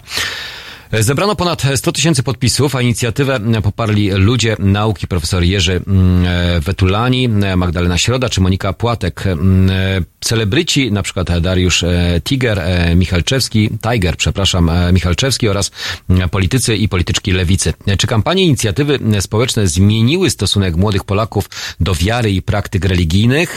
To tak nie do końca stwierdza, stwierdza stanowczo pani Bożena Przyłuska, wiceprezeska Stowarzyszenia Kongres Świeckości, która dziś e, współprowadzi akcję Świeckie Państwo, a wcześniej była zaangażowana w świecką szkołę. Nie chodzi o to, że my m, prowadzimy Nie chodzi o to, że my prowadzimy antyklerykalne kampanie, a potem ludzie rezygnują z wiary. Jest dokładnie na odwrót. Najpierw pojawia się niezadowolenie i rozczarowanie Kościołem oraz religią w szkołach, potem z niego wyrastają kampanie. Ludzie zaczynają głośno mówić, dzielić się swoim doświadczeniem i podejmować decyzje. To sprężenie e, zwrotne. Świadomość. Świadomość e, tak samo jak odnośnie uzależnień, tak samo e, odnośnie tego, co robimy, co czynimy lub e, w jaki sposób funkcjonujemy w społeczności. Mm, e, mm, Jeżeli jesteśmy z czegoś niezadowoleni, to tak jak ja jestem niezadowolony e, z tego, że czasami potrzebuje człowiek nikotyny, to jeżeli sobie mm, to uświadomię, to później reaguję. Tak samo w przypadku ludzi młodych odchodzących e, od kościoła. My wracamy do Was za chwilę. Za chwilę będziemy łączyć się z naszym korespondentem prosto z nadsekwany, czyli co dzieje się we Francji. A teraz chwila muzyki.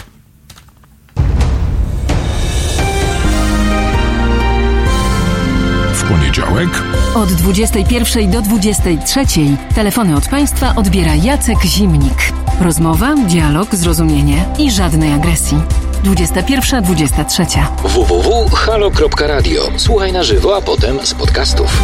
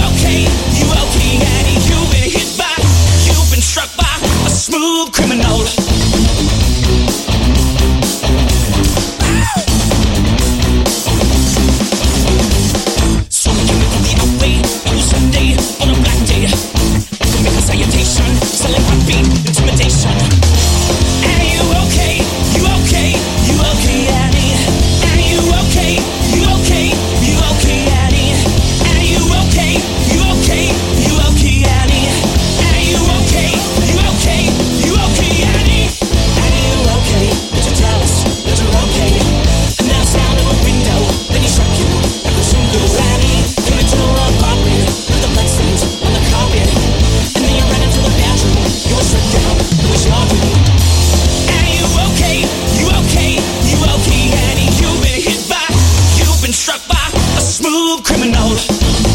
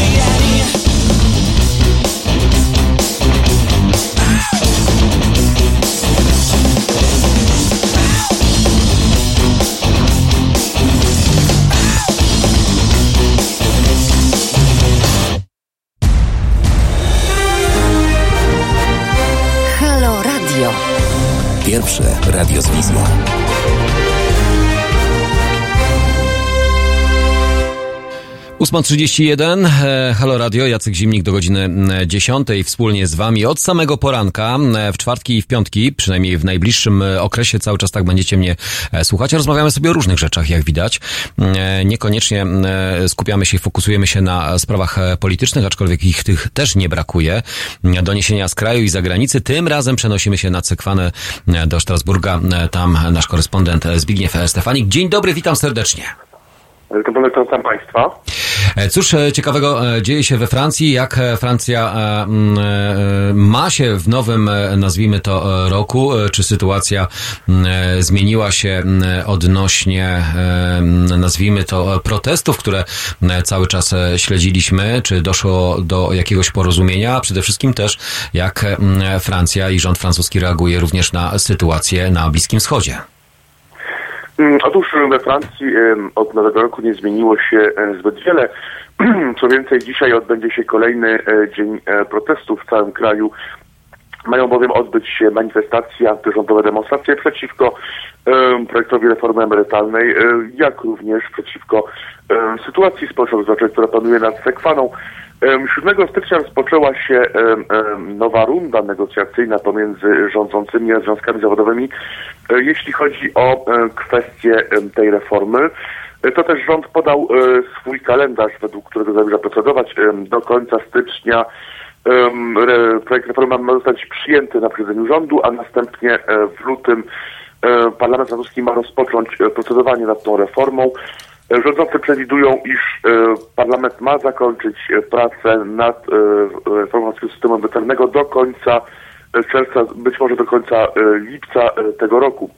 Jednakże negocjacje te zostały e, no, niejako e, zakłócone, e, uniewiarygodnione e, poprzez rewelacje medialne. Otóż zdaje się, iż e, z jednej strony rządzący e, wyciągają rękę do związków zawodowych, mówią, że tak naprawdę e, wiele kwestii związanych z tą reformą e, może ulec tak naprawdę zmianie w wyniku negocjacji, a z drugiej strony zaś media donoszą, iż rządzący już przedłożyli swój projekt e, do Rady Państwa, to jest- odpowiednik Konstytucyjnego, aby właśnie zbadać e, zgodność tego projektu e, z konstytucją, a więc związki zawodowe pytają, e, jak to możliwe, iż e, skoro rządzący z jednej strony mówią, iż ten projekt jeszcze może ulec zmianie, a z drugiej strony już przekazują go do analizy prawniczej do Trybunału Konstytucyjnego, e, czy te negocjacje właściwie mają jakiś sens w sytuacji, gdzie rządzący już, zdaje się, mają swój e, własny projekt i swoją koncepcję na tą reformę, e, skoro już, jak już wspomniałem, przekładają tą koncepcję prawnikom. Rządzący jednak mówią, iż właściwie ta analiza ma dotyczyć głównie szkielet tej reformy. Tak więc jednak faktycznie o ile negocjacje trwają nadal, o tyle zostały one no niejako uniewiarygodnione przez e, no ten fakt, że faktycznie rządzący już e, swój projekt e, poddają analizie Trybunału Konstytucyjnemu nad Sekwaną. Jednakże faktycznie dzisiaj kolejny dzień protestów, będą protestowali pracownicy kolei, transportów zbiorowych, ale nie tylko lekarze, nauczyciele. E, Kolejny protestów e, ma odbyć się już w przyszłą sobotę, tak więc faktycznie nad Sekwaną e, trwają protesty, jak również trwa próba sił pomiędzy związkami zawodowymi a rządzącymi. Warto również dodać, iż mamy do czynienia obecnie we Francji z największym od 50 lat kryzysem społecznym, albowiem ostatni raz tak długie strajki miały miejsce we Francji w 1986 roku, kiedy to faktycznie rząd Jacques'a Chiraca również usiłował reformować e, system em, opieki społecznej, w tym system emerytalny. Tak więc faktycznie na tym etapie e, nie ma e, tutaj na horyzoncie zakończenia tego kryzysu, jednakże faktycznie e, jeśli e, brać pod uwagę badania opinii społecznej, to zdaje się, iż e, protestujący tracą poparcie społeczne. E, Według sondażu opublikowanego e, przez tygodnik Journal du Dimanche e, 5 stycznia e, tego roku zdaje się bowiem, iż e, około 40% respondentów e, popiera e, te protesty. To jest e, o e, 10 punktów mniej niż e, e, pokazywały to sondaże dwa tygodnie wcześniej e, i 20 punktów mniej niż pokazywały to sondaże miesiąc wcześniej. Także faktycznie protesty trwają e, i na tym etapie trudno e, przewidzieć, jak e, potoczy się e, przyszłość na Sekwaną, ponieważ e, protesty, jak już wspomniałem, nie tylko mają miejsce na, na tle reformy emerytalnej, również są one związane z różnymi kwestiami e, społecznymi, takimi jak na przykład opieka zdrowotna. Kolejne protesty również zapowiadają policjanci. Chcą oni bowiem zrównania swojego statusu emerytalnego e, ze statusem e, żandarmów. Żandarmi korzystają z systemu e, wojskowego, jeśli chodzi o emerytury. Kolejna kwestia to kwestia e, iż coraz mniej e, zwolenników tej reformy popiera tak naprawdę projekt rządzących, ponieważ zdaje się, iż faktycznie rządzący proponują coraz więcej przywilei poszczególnym grup, grupom społecznym, a idea reformy e, polegała na tym, iż e, we Francji zlikwiduje się wszystkie statusy specjalne i powstanie tylko jeden status, status emeryta francuskiego. Tak więc tutaj zwolennicy tej reformy, którzy faktycznie popierali jej wprowadzenie, e, zauważają, iż w sytuacji, gdzie e, rządzący będą faktycznie e, szli na ustępstwa wobec poszczególnych grup, e, to reforma w ogóle będzie miała sens? Czy w sytuacji, gdzie faktycznie e, wartość punktu emerytalnego będzie e, tak naprawdę zależała od znajomości grupy zawodowej, czy taka reforma tak naprawdę nie będzie e, reformą bez reformy? Tak więc faktycznie spór o reformę emerytalną trwa nad Sekwaną w sytuacji, gdzie rządzący trwają, tracą e, trwale poparcie społeczne, e, co utrudnia ich e, pracę, bo jak już wspomniałem, Francuzi e, nie są przeciwni e, reformie emerytalnej jako tako, e, czyli nie odrzucają o blok em, reformy systemu emerytalnego, o, czym e, mówią nam wszystkie sondaże, jednakże nie mają oni zaufania do rządzących, jeśli chodzi o jej wprowadzanie. e, co utrudnia e, z pewnością tę sytuację. Także jak już wspomniałem, z drugiej strony rządzący e, przyjął inicjatywę, ponieważ e, zdaje się, iż e, protestujący tracą poparcie społeczne, o czym e, mówiliśmy i co pokazuje e, ostatni sondaż realizowany przez pracownię e, IFOP.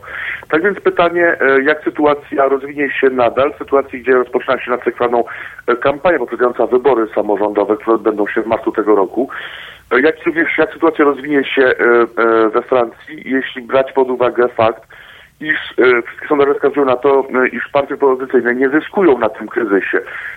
Tak więc trudno powiedzieć, jaka alternatywa polityczna może się narysować we Francji, w sytuacji, gdzie faktycznie partie polityczne tradycyjne nie zyskują i właściwie no, te słupy sondażowe nie wskazują na to, aby ktoś na tym kryzysie politycznie zyskiwał e, e, albo wręcz stracił. Mm, Tak więc poparcie społeczne dla partii politycznych nie zmienia się E, i jest to znak niepokojący, ponieważ zdaje się, iż coraz mniej Francuzów e, wierzy w to, iż partie polityczne, zarówno rządzące, obóz polityczny, jak i również opozycja e, jest w stanie rozwiązywać problemy społeczne, to też coraz więcej osób po prostu wychodzi na ulicę, aby samemu te problemy e, rozwiązywać. Tak więc jest e, to tak naprawdę kry- kryzys francuskiego systemu politycznego. To więc pytanie, e, jak ewoluuje ta sytuacja, e, kto na niej skorzysta, kto na niej straci, e, czy będzie ona miała jakikolwiek wpływ na wynik wyborów samorządowych, które jak już wspomniałem odbędą się w marcu.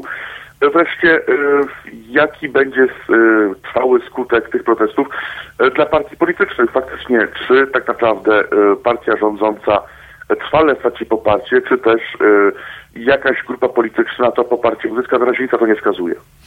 Mo, możemy po- powiedzieć również o tym, że poprzez e, te e, długo, e, m, e, znaczy długie protesty już wielotygodniowe, gospodarka Francji również traci, bo jeżeli mówimy o transporcie, o ruchu kolejowym, czy w ogóle o utrudnieniach wszelkiego rodzaju i o protestach poszczególnych grup zawodowych, to gospodarka chyba po raz pierwszy odczuje to boleśnie również na m, typu protestach.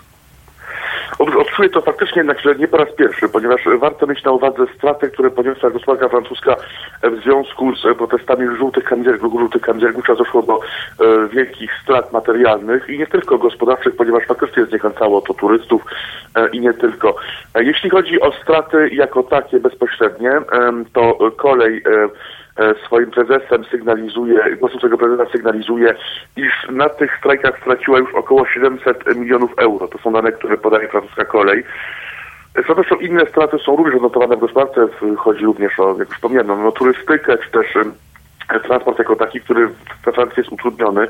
Jednakże warto mieć na uwadze, iż kryzys we Francji nie rozpoczął się 5 grudnia tego roku, ponieważ kryzys ten właściwie trwa w sposób nieprzerwany E, Od 17 listopada 2018 roku mówię tutaj o tym e, pierwszym proteście, masowym proteście ruchu żółtych kamizelek. Ruch żółtych kamizelek protestował tak naprawdę co sobotę od 17 listopada 2018 roku E, i ten e, protest e, trwał e, no, mniej lub bardziej, ale właściwie trwał przez e, cały rok do kolejnych e, protestów, które rozpoczęły się 5 grudnia. Tak więc tak naprawdę nad Sekwaną mamy do czynienia z protestem e, społecznym od e, 15 miesięcy, tak należałoby to ująć.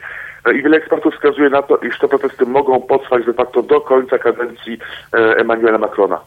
Odnośnie wydarzeń na Bliskim Wschodzie, e, jakieś doniesienia prosto z Nacekwany?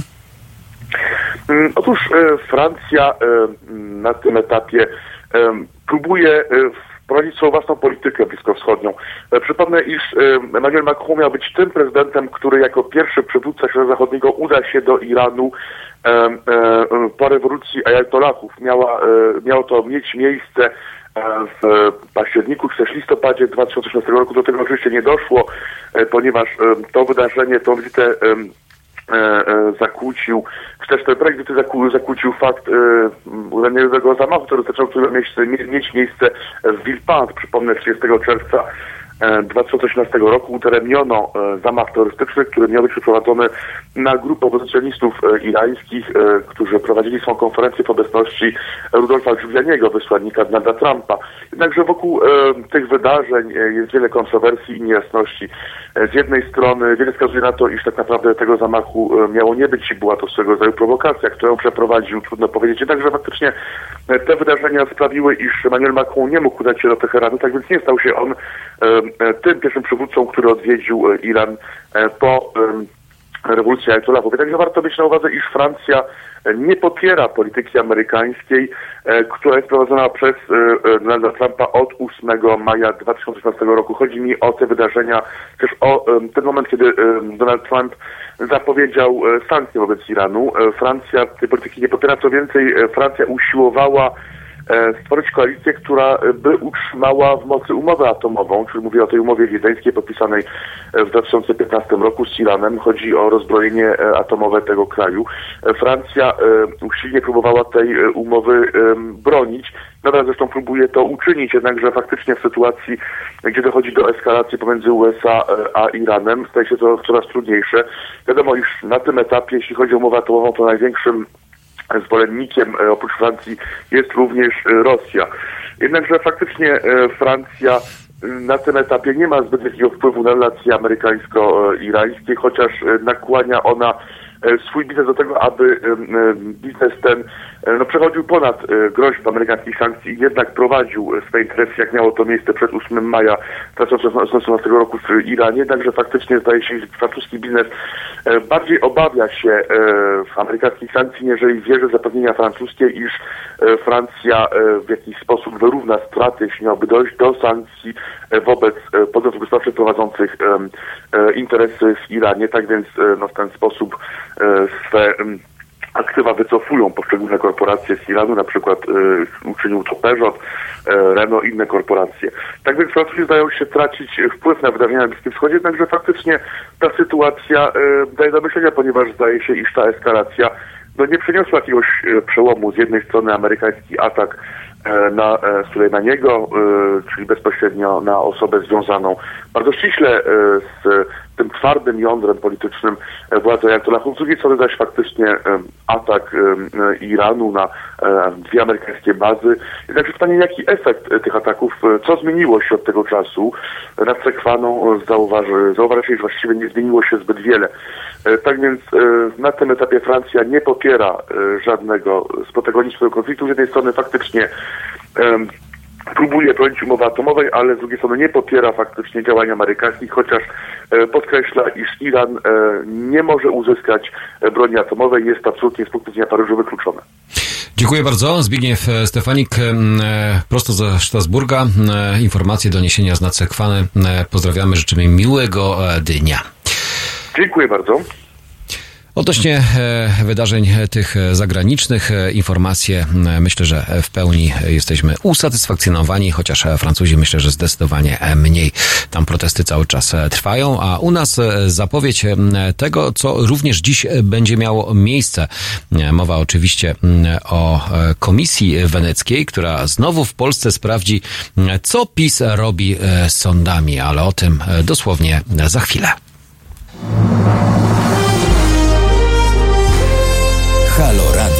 No proszę Państwa, bardzo namawiam do słuchania Haloradia. To jest pierwsze radio obywatelskie, już bardzo ważne i bardzo istotne i tu się głównie gada, yy, ale gada się no takie mądre rzeczy, a w każdym razie prawdziwe. Agnieszka Holland. Tomasz Piątek. A ja zachęcam bardzo do wspierania Haloradio, bo jeżeli nie będziecie go wspierać, to zniknie. www.halo.radio ukośnik SOS. Música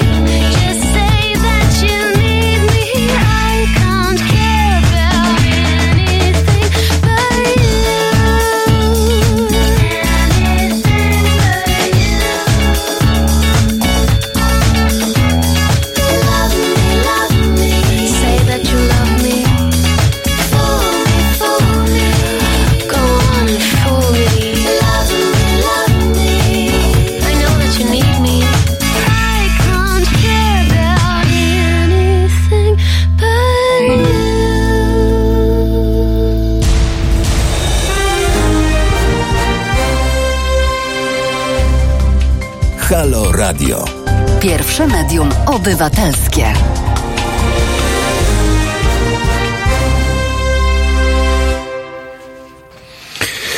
Ósma pięćdziesiąt. E, zanim e, zajmiemy się Komisją e, Wenecką i tym, że to dziś właśnie mają przedstawiciele Komisji Weneckiej pojawić się w naszym kraju, zajrzyjmy jeszcze do naszej prasy. Poranny przegląd prasy. Dziennik Gazeta Prawna. Na pierwszej stronie czytamy Iran ostrzega Polskę przed przyjaźnią z USA.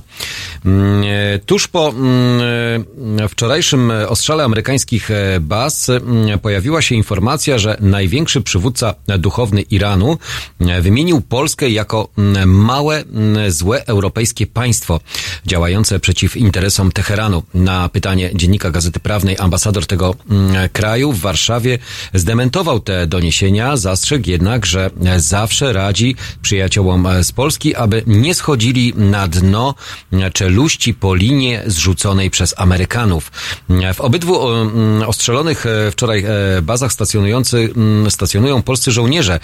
Szef Biura Bezpieczeństwa Narodowego e, Paweł Soloch przekonywał, że są bezpieczni. Mniej więcej w tym samym czasie mm, Podano również informację, że ambasador w Bagdadzie Beata Pęksa wyjechała z Iraku. Polska placówka mieściła się w budynku ambasady brytyjskiej, m, która m, z racji bliskiej współpracy z USA jest potencjalnym celem szyickiej milicji. M, Również e, w podatkach e, rządzi wielki chaos. E, Wszystkim, e, wszystko się już e, miesza, kiedy wystawić paragon e, z NIP, e, kiedy fakturę, e, kiedy ma e, zastosowane, zastosowanie limit 15 tysięcy złotych, e, kiedy płacić e, na rachunek bankowy e, z białej e, listy. O tym między innymi czytamy e, w dzisiejszym e, dzienniku Gazety Prawnej. Również e, to, co mówiłem wcześniej, m, jest e, specjalny dodatek umowy o pracę, zlecenie, jak zawiera się umowy o pracę, zlecenie i o dzieło, jak mm, zakończyć umowę podatki, składki na ZUS mm, od umów o pracę, opodatkowanie umów zlecenie, zlecenie mm, a kontrakt menedżerski. Mm, Taki poradnik, myślę, że dla tych, którzy czy y, mają swoje własne firmy, czy są w trakcie poszukiwania pracy i tego, e, w jakiej formie będą pracować, e, warto e, taką gazetę mieć albo przynajmniej się zapoznać z jej zawartością. Również dzisiejszy fakt Trump, e, powinniście być mi wdzięczni. E, Co na to prezydent e, Duda? Na pierwszej stronie czytamy, trzynastka to 981 zł. Walczymy o więcej. Mowa oczywiście o emeryturach, które nas może jeszcze nie wszystkich dotyczą, ale zapewne dotyczyć będą bardzo dużej liczby emerytów. 9 milionów, jak się nie mylę, to chyba tyle osób pobierających świadczenia emerytalne.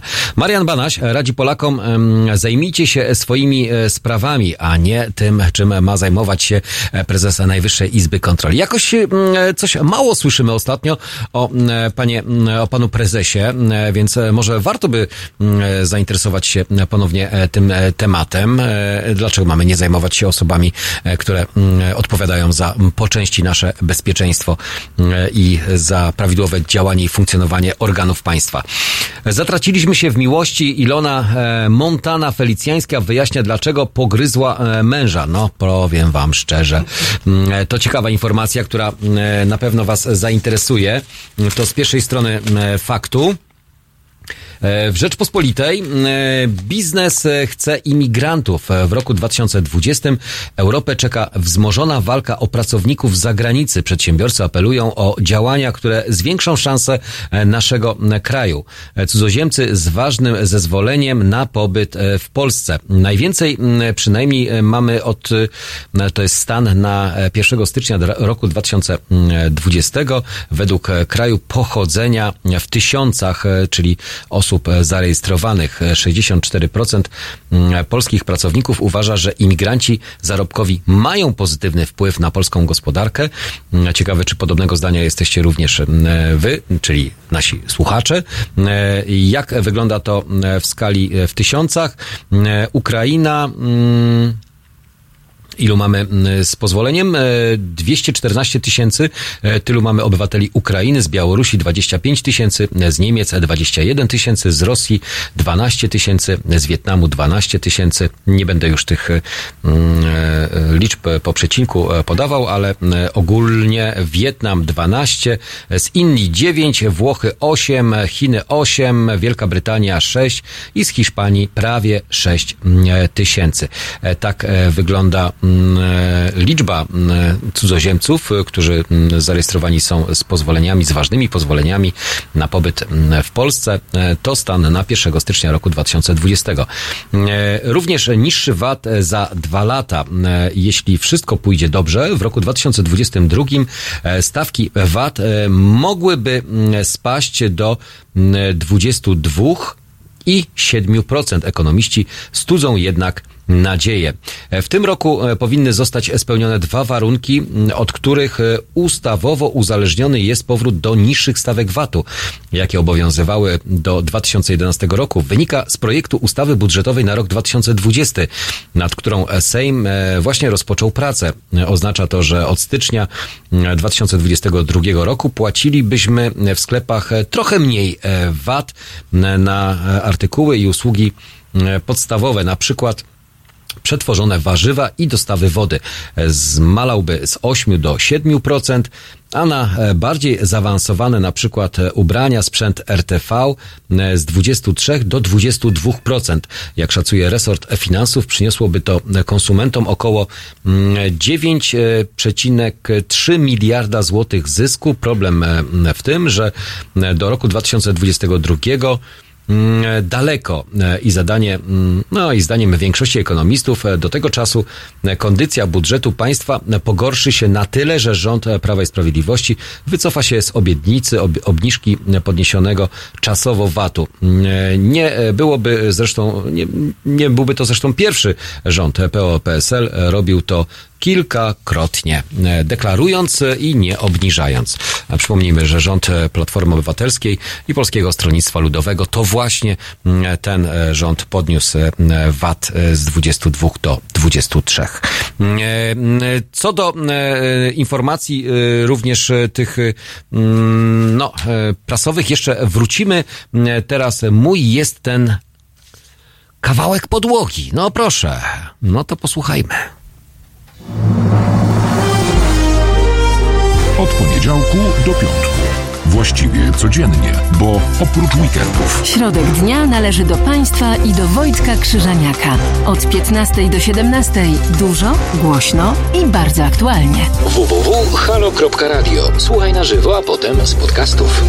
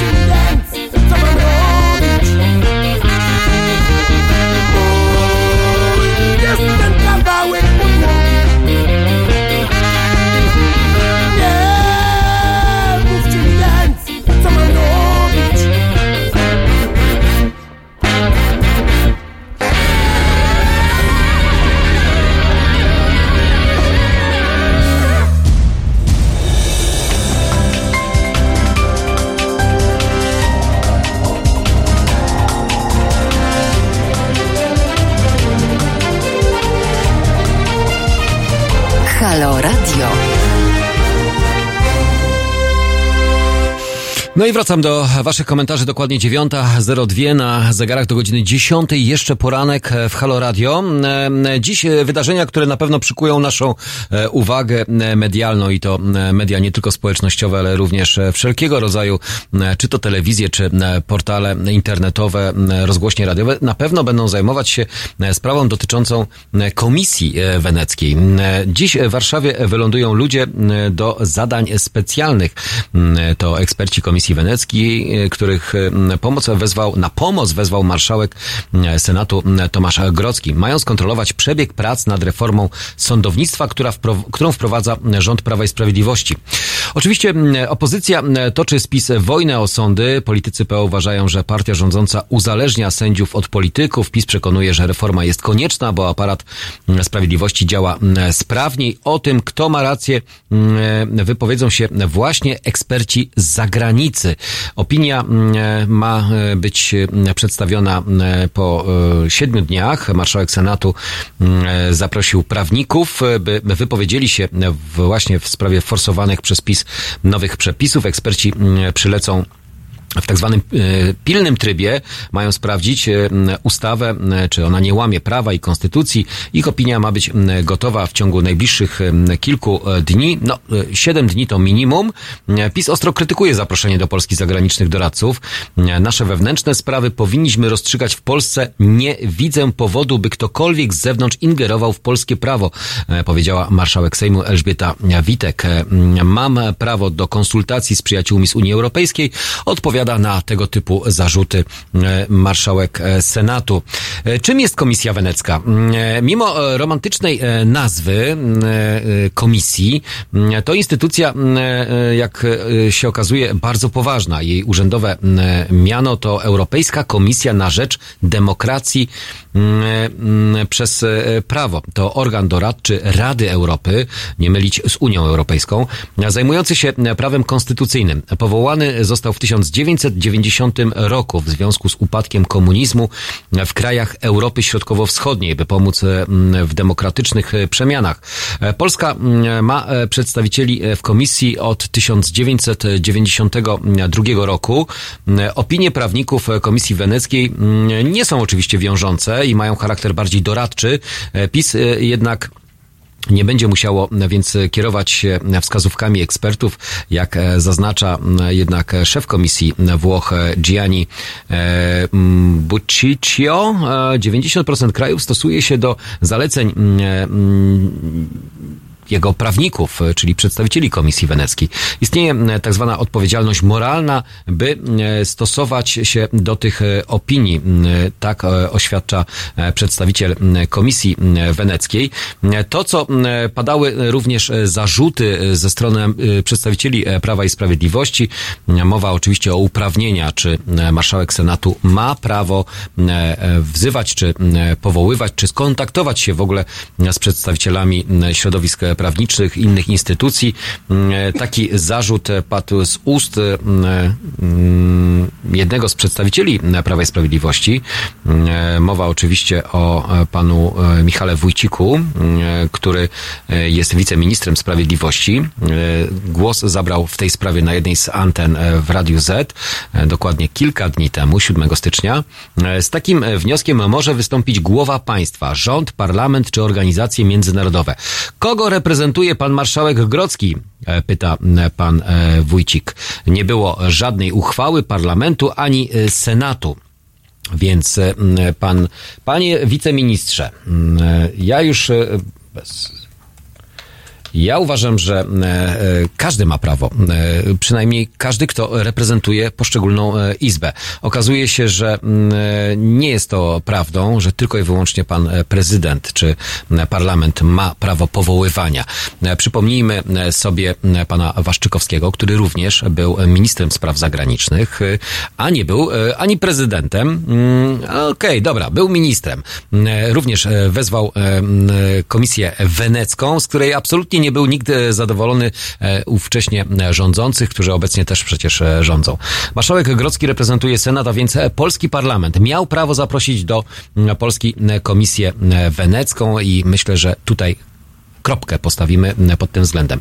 Minister m, e, Wójcik e, w jednym e, punkcie jedynie ma rację. Zgodnie z zasadami funkcjonowania Komisji Weneckiej, m, której jesteśmy członkami już od 92 roku, m, e, jest także Polska, o opinię mogą poprosić ją przedstawiciele danego państwa, rządu, parlamentu lub głowy państwa. Poza nimi także organy Rady Europejskiej oraz inne międzynarodowe organizacje, na przykład Unia Europejska. Ale już sam argument o samowolce pana Grodzkiego, mm, albo e, że o, stro, o srogiej e, pomyłce, albo e, kolejnej manipulacji przedstawiciela, to kolejna manipulacja przedstawiciela rządu. No tak umiejętnie to robią sobie rządzący, że w świetle fleszy, czy w świetle kamer, albo mediów publicznych mówią to, co chcą mówić, albo to, co chcą, żeby dany elektorat e, usłyszał. Marszałek Grodzki wezwał komisję wkrótce po tym, jak otrzymał pismo od wiceprzewodniczącej e, Komisji Europejskiej z 19 grudnia, mm, e, która apelowała w nim do najwyższych władz e, RP o przerwanie prac nad tak zwaną ustawą dyscyplinującą. Mm, Zachęcam, tutaj, tutaj cytat, zachęcam wszystkie organy państwowe, by nie kontynuowały prac nad nowym projektem, dopóki nie przeprowadzą niezbędnych konsultacji z zainteresowanymi stronami, napisała w liście. Mm, mm, Przedstawicielka komisji mm, wezwała polskie władze zwłaszcza do rozmowy z Komisją Wenecką Rady Europy. Mm, Na jej pismo niezwłocznie odpowiedział tylko i wyłącznie e, marszałek e, Senatu. Inni mieli to za przeproszeniem gdzieś. E, Zapewnił e, wiceprzewodniczącą, że Senat dopilnuje, by ustawa była procedowana w sposób e, przejrzysty i zgodny z prawem, a także dogłębnie skonsultowana z partnerami w Polsce i za granicą. Wkrótce potem w grudniu wysłał do Komisji Weneckiej list z zaproszeniem do Warszawy. Dziś właśnie mm, Komisja Wenecka będzie gościła w Warszawie. E, Komisja ma wydać opinię w sprawie ustawy dyscyplinującej. Tak jak e, wspomniałem, e, to potrwa gdzieś około kilku dni, siedem dni. Mm, Projekt e, przegłosowany został przez PiS w Sejmie 20 grudnia po mm, 29 godzinach e, chaotycznego poprawiania. E, Zakłada m.in. drastyczne e, poszerzenie odpowiedzialności dyscyplinarnej e, sędziów. Za podważenie e, stosunków e, sędziów powołanych z udziałem neo-KRS-u mają im grozić e, kary. E, Zaproszenie Grodzkiego e, trafiło e, do komisji 2 stycznia.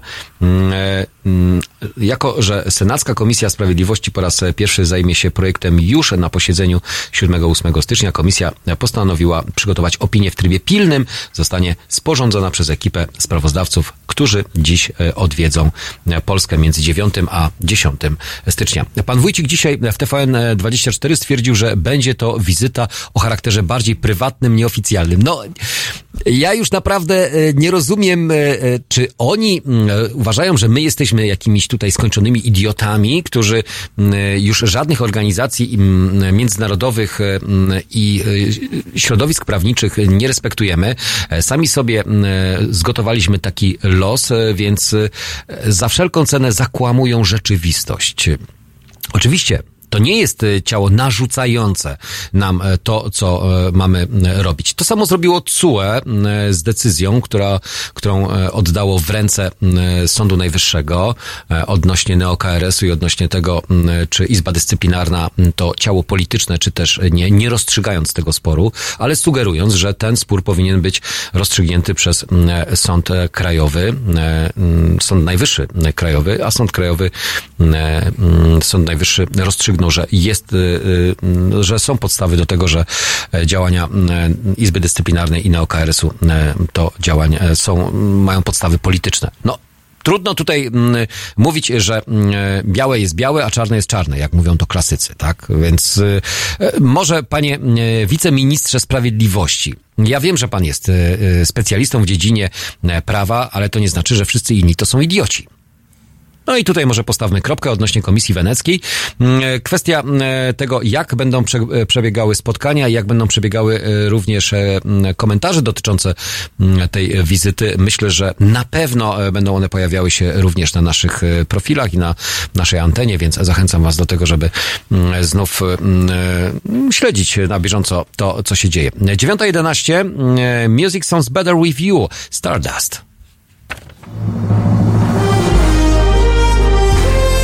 Halo Radio. Nazywam się Adam Bodnar, pełnię funkcję Rzecznika Praw Obywatelskich. Szanowni Państwo, zachęcam Państwa do wspierania Halo Radio. Każda złotówka się liczy, każda wpłata, darowizna, stałe zlecenie na koncie. Ja również co miesiąc wspieram Halo Radio. Zachęcam Państwa również do tego samego. www.halo.radio ukośnik SOS.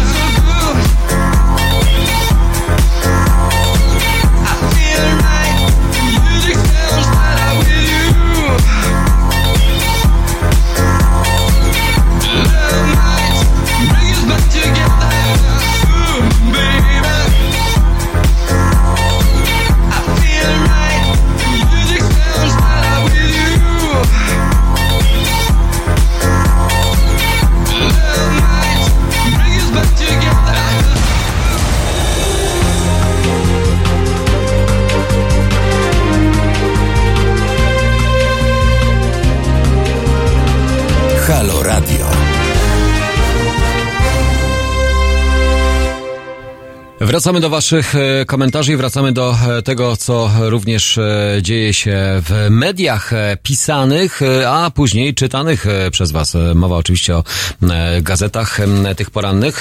Zaglądamy do Super Expressu, a przede wszystkim w odniesieniu do komentarza, który napisał mm, Swirecki. e, Świrecki, no, Swirecki, okej.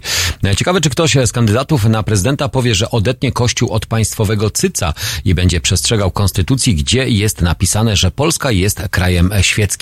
E, Zapewne mm, e, taką osobą e, mógłby być albo będzie, jeżeli wygrałby wybory prezydenckie, przedstawiciel lewicy. Mowa oczywiście o Robercie Biedroniu, który został poparty już oficjalnie przez środowiska lewicowe i będzie kandydatem. Ogłoszone zostanie to 19 stycznia na konwencji Sojuszu Lewicy, na konwencji lewicy, dodajmy lewicy. Czytamy w dzisiejszym Super Mój mąż zmierzy się z Dudą w drugiej e, turze. Krzysztof e, Śmiszek, e, partner Roberta Biedronia, specjalnie dla Super Expressu. E, Takiego wsparcia od drugiej połówki można tylko pozazdrościć. Są razem od 18 lat, ale uczucie nie wygasa. Mało tego, Robert Biedroń, mający obecnie 44 lata, może liczyć na swojego partnera także w kwestiach polityki. Mój mąż zamierzy, mój mąż zmierzy się z Dudą w drugiej turze, przepowie, przepowiada w specjalnej rozmowie e, z Super Expressem Krzysztof Śmiszek, mm, który mm, ma, jest młodszy od Roberta Biedronia o 3 lata. Dodaje, że Biedroń łatwo nie odpuszcza. Robert, e, jak mm, się zaweźmie, to potrafi ciężko pracować i odnosić sukcesy. Ma wielką energię, doświadczenie, zdecydowane poglądy, charyzmę, wylicza Śmiszek. Robert potrafi walczyć, jest e, otwarty, mm, mm, jest otwarty. Z przytupem wygrał wybory w Słupsku, dostał się do Parlamentu Europejskiego i doprowadzi do tego, że lewica znów jest w Sejmie. Doprowadził, mm, podkreśla poseł lewicy. Okazuje się jednak, że wybory. Yy, że e, wyborcy wierzą e, w siły Biedronia znacznie mniej niż jego partner. Super Express dotarł do e, pierwszego mm, zleconego przez lewicę wewnętrznego sondażu poparcia kandydatów na prezydenta. Według niego Robert Biedroń może liczyć na 12% poparcia, a przed nim planują, mm, plasują się Małgorzata Kidawa-Błońska mm, z wynikiem 23% i Andrzej Duda z 45% poparciem. Co na to Robert Biedroń? E, To bardzo dobry punkt wyjścia i jestem bardzo wdzięczny za zaufanie. Te 12% to elektorat lewicy z ostatnich wyborów. To znaczy, że mm, promuje wśród nas, y, panuje wśród nas niesamowita mobilizacja, e, mówi kandydat lewicy na prezydenta i dodaje, że teraz e, się skupi na, na przekonaniu do siebie nowych wyborców. E, Chce mm, wejść do drugiej tury, a wtedy wszystko może się zdarzyć, e, mówi w rozmowie z Super Expressem Robert mm, Biedroń. Mm, No oczywiście, że wszystko się może zdarzyć. E, Jakie szanse mają poszczególni kandydaci, patrząc na e, sondaże? Biedroń jest e, słaby, będzie miał e, poparcie maks 10%. No to niewiele od tego, które również prognozuje, e, prognozują wewnętrzne e, badania sondażowe e, zlecone e, przez e, lewicę. E, Bądźmy realistami. E, Oczywiście każdy, kto kandyduje, życzymy mu jak e, e, najlepiej, bez względu na e, poglądy. Okej, każdy ma swoje preferencje, a więc każdy ma też swojego kandydata. Im e, będzie ich większa liczba, tym e, może lepiej, ale z drugiej strony warto by stawiać na jednego takiego, który zaspokoiłby wszystkie oczekiwania, a takiego nie ma po prostu. No nie ma takiego kandydata, z którym moglibyśmy się zgodzić e, w 100%. O tym rozmawialiśmy już wielokrotnie tutaj na antenie. Mm, Analizowaliśmy, czy e, Robert Biedroń to dobry kandydat, czy może Adrian Zandberg powinien e, e, go zastąpić, bo przynajmniej mielibyśmy debatę merytoryczną, a mniej przytyków e, względem personalnych, e, właśnie, a to ze względu czy to na orientację, czy na ideologiczne poglądy, mm, z którymi mm, próbuje mierzyć się mm, lewica, a e, większość środowiska w Polsce jednak e, nieco inaczej na to wszystko e, patrzy. Jesteśmy w mniejszości, albo przynajmniej mm, w tej e, liczbie osób, które e, no, nie mają aż takiej e, siły dużego głosu, przynajmniej albo nie są tak mocno zmobilizowani do tego, żeby poprzeć tego jednego kandydata, który mógłby rzeczywiście rywalizować. I ja nie jestem fatalist, e, nie, nie, nie podchodzę podchodzę do mm, spraw bardzo mm, pesymistycznie, po prostu jestem realistą. E, y, Ale mm, wszystko może się jeszcze wydarzyć. Do wyborów jeszcze mamy trochę czasu, więc e, tutaj akurat e, wszelkiego rodzaju sondaże to tylko i wyłącznie takie prognozy, jak to z tymi prognozami pogody. Zimy nie ma, ale gdzie niegdzie ten śnieg pada, więc wszystko może się zdarzyć. Ratusz podał ranking imion. To też ciekawa informacja, jakie imiona są najbardziej popularne obecnie, nie tyle co w naszym kraju, ale mm, w województwie mm, mazowieckim albo w Warszawie. E, w rankingu imion naj, najczęściej nadawanych dzieciom urodzonych, e, urodzonym w Warszawie mm, niesłabnącą popularnością cieszy się Zofia i Jan. Nie inaczej było w roku 2019. Ranking został opublikowany mm, niedawno, czyli już w roku 2020. Mm, Okazuje się, że rodzice młodych warszawianek w dalszym ciągu najchętniej wybierają dla swoich pociech e, imię Zofia. Nie- Niekwestionowanym liderem wśród imion dla chłopców jest Jan, który mm, mm, czołowo e, e, lokatę zajmuje już od wielu, wielu lat. E, W 2019 e, roku ponownie należał do Zofii. W 2018 roku było to najpopularniejsze imię nadawane dziewczynkom przed Julią i Zuzanną. A jak wygląda to w liczbach? Najpopularniejsze imiona żeńskie. Zofia w Warszawie zarejestrowanych zostało dziewczynek o tym imieniu 787, Julia 735, Zuzanna to już e, 600. Później mamy na czwartym miejscu Hanna, Maria, Alicja, Maja, Helena, Antonina i Aleksandra. Jan e, to od lat lider popularności wśród imion nadawanych chłopcom w Warszawie. Na dalszych pozycjach e, dziesiątki najchętniej nadawanych imion męskich również nie zaszły znaczące zmiany jak w latach e, poprzednich. Jak one wyglądają? Na miejscu pierwszym Jan. Tutaj mm, liczba mm, chłopców o tym imieniu w roku 2020 to 1055, Aleksander 744, Jakub 705 i później Franciszek, Stanisław, Antoni, Adam, Szymon, Ignacy i Mikołaj. Nieco poniżej 500 mm, Mikołajów mm, właśnie o tym imieniu warszawski ratusz zarejestrował. W ciągu 12 miesięcy roku 2019 w stolicy przyszło na świat 36 410 dzieci. Dla porównania w roku 2018 urodziło się 36 909 dzieci. E, mm, A w roku 2017 mm, e, 36 978. E, Tendencja spadkowa. Rodzi nam się nieco mniej e, dzieci, przynajmniej w Warszawie. E, Wybrane przez rodziców e, imię nie zawsze odpowiada dorosłym warszawiakom. Ci coraz częściej decydują się na zmianę pierwotnego imienia lub nazwiska. Liczby wydawanych decyzji o zmianie imienia lub nazwiska wciąż rosną.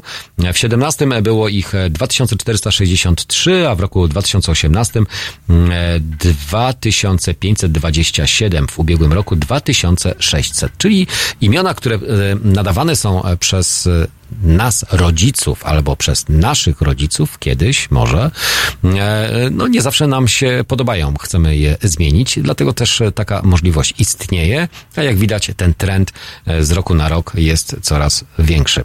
E, Ślubów mniej, ale często te śluby odbywają się nie mm, w urzędach stanu cywilnego, ale również na przykład w plenerze, co jest możliwe.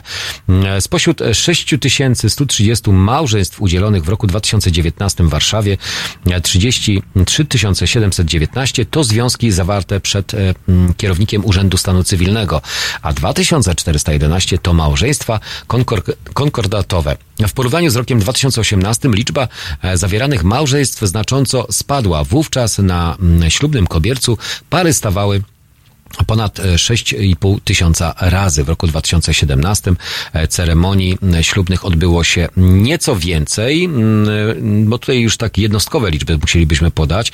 W 17 było 6502 śluby, a w 17 6524. No, niby niewielka różnica, ale jednak.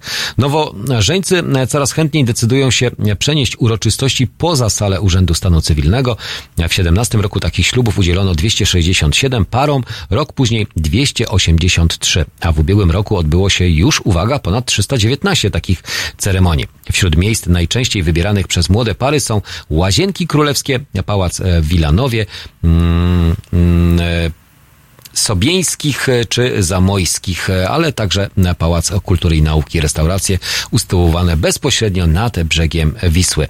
Również rok 2019 do aktów małżeńskich wpisano 3418 adnotacji o pozostawieniach, e, mm, o postanowieniach sądów dotyczących rozwodów, separacji i unieważnienia małżeństw. Oznacza to spadek. E, W roku 2017 w zmianek takich e, wpisano 3628. Dwa lata temu 3380. To statystyki e, z ratusza naszego, tutaj warszawskiego, ale przecież każde miasto rządzi się innymi liczbami, innymi zasadami. Czy wygląda to podobnie? Trzeba byłoby zajrzeć do Głównego Urzędu Statystycznego za rok 2019. Jak wygląda liczba nie tyle co narodzin, ale właśnie związków małżeńskich czy rozwodów. A może po prostu żyjemy coraz mm, e, swobodniej, coraz luźniej, nie przywiązując uwagi do e, pewnych formalności. Każdy indywidualnie do tego podchodzi, mm, ale statystyki są nieubłagalne. My wracamy do e, naszego porannego przeglądu prasy już e, za chwilę do godziny 10.30. Do 10.00 nam niewiele czasu zostało. E, Nasz numer telefonu oczywiście cały czas jest dostępny. Można jeszcze zadzwonić, jeżeli komuś się uda. 22 39 059 22.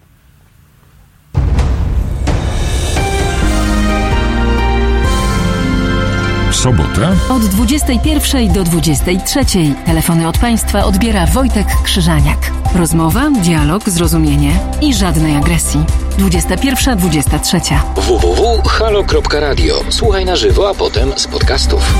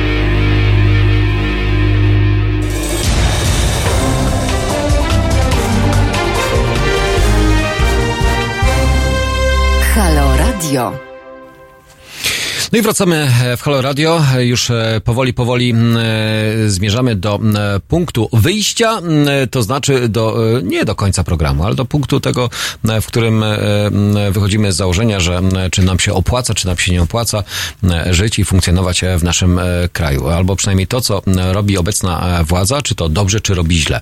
E, 13 emerytura, o której już e, wspominaliśmy, teraz e, nieco zajmiemy się e, sprawami emerytalnymi. W kwietniu e, wszyscy emeryci i renciści dostaną dodatkowe świadczenia w kwocie 1200 zł brutto. ZUS jest gotowy do mm, wypłaty pieniędzy. E, Fundusze są już e, zabezpieczone, ale musi jeszcze zostać uchwalona odpowiednia ustawa, która zagwarantuje wypłaty nie tylko w tym roku, ale i w następnych latach.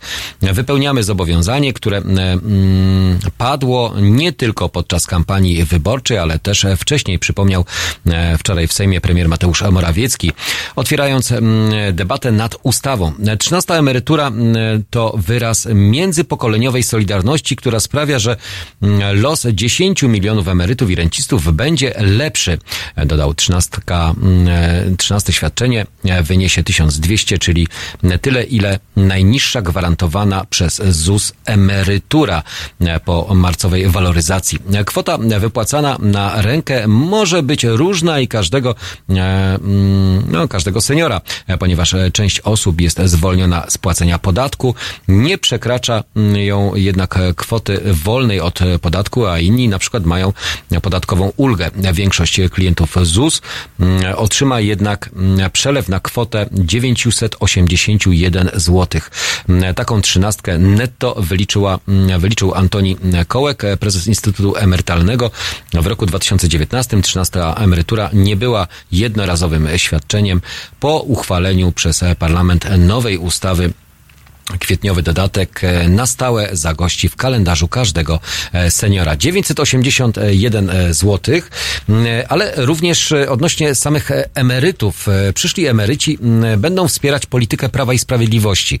E, Z jednej strony dostajemy e, coś e, od e, państwa, niekoniecznie od rządu, bo to przecież nasze pieniądze, które tylko i wyłącznie są dystrybuowane. Mm, mm, Oszczędności przyszłych emerytów zostaną zainwestowane w spółki, mm, wydając, wydające na partyjne kaprysy Prawa i Sprawiedliwości, jak na przykład przekop Mierzei Wiślanej, czy nowe kopalnie, czytamy w dzisiejszej gazecie wyborczej.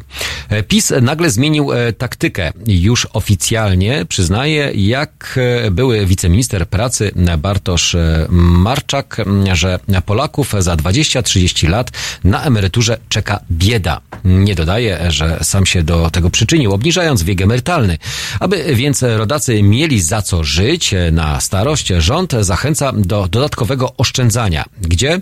No, po likwidacji przez e, obecną władzę m, OFE, poprzednią również zmniejszenie mm, mm, pieniędzy właśnie z otwartych funduszy emerytalnych, bo to proces nie tylko jednego rządu, ale również poprzedników, mm, e, zostają e, wymyślone, zostały wymyślone e, przez premiera Mateusza Morawie- Morawieckiego pracownicze plany kapitałowe, inaczej PPK.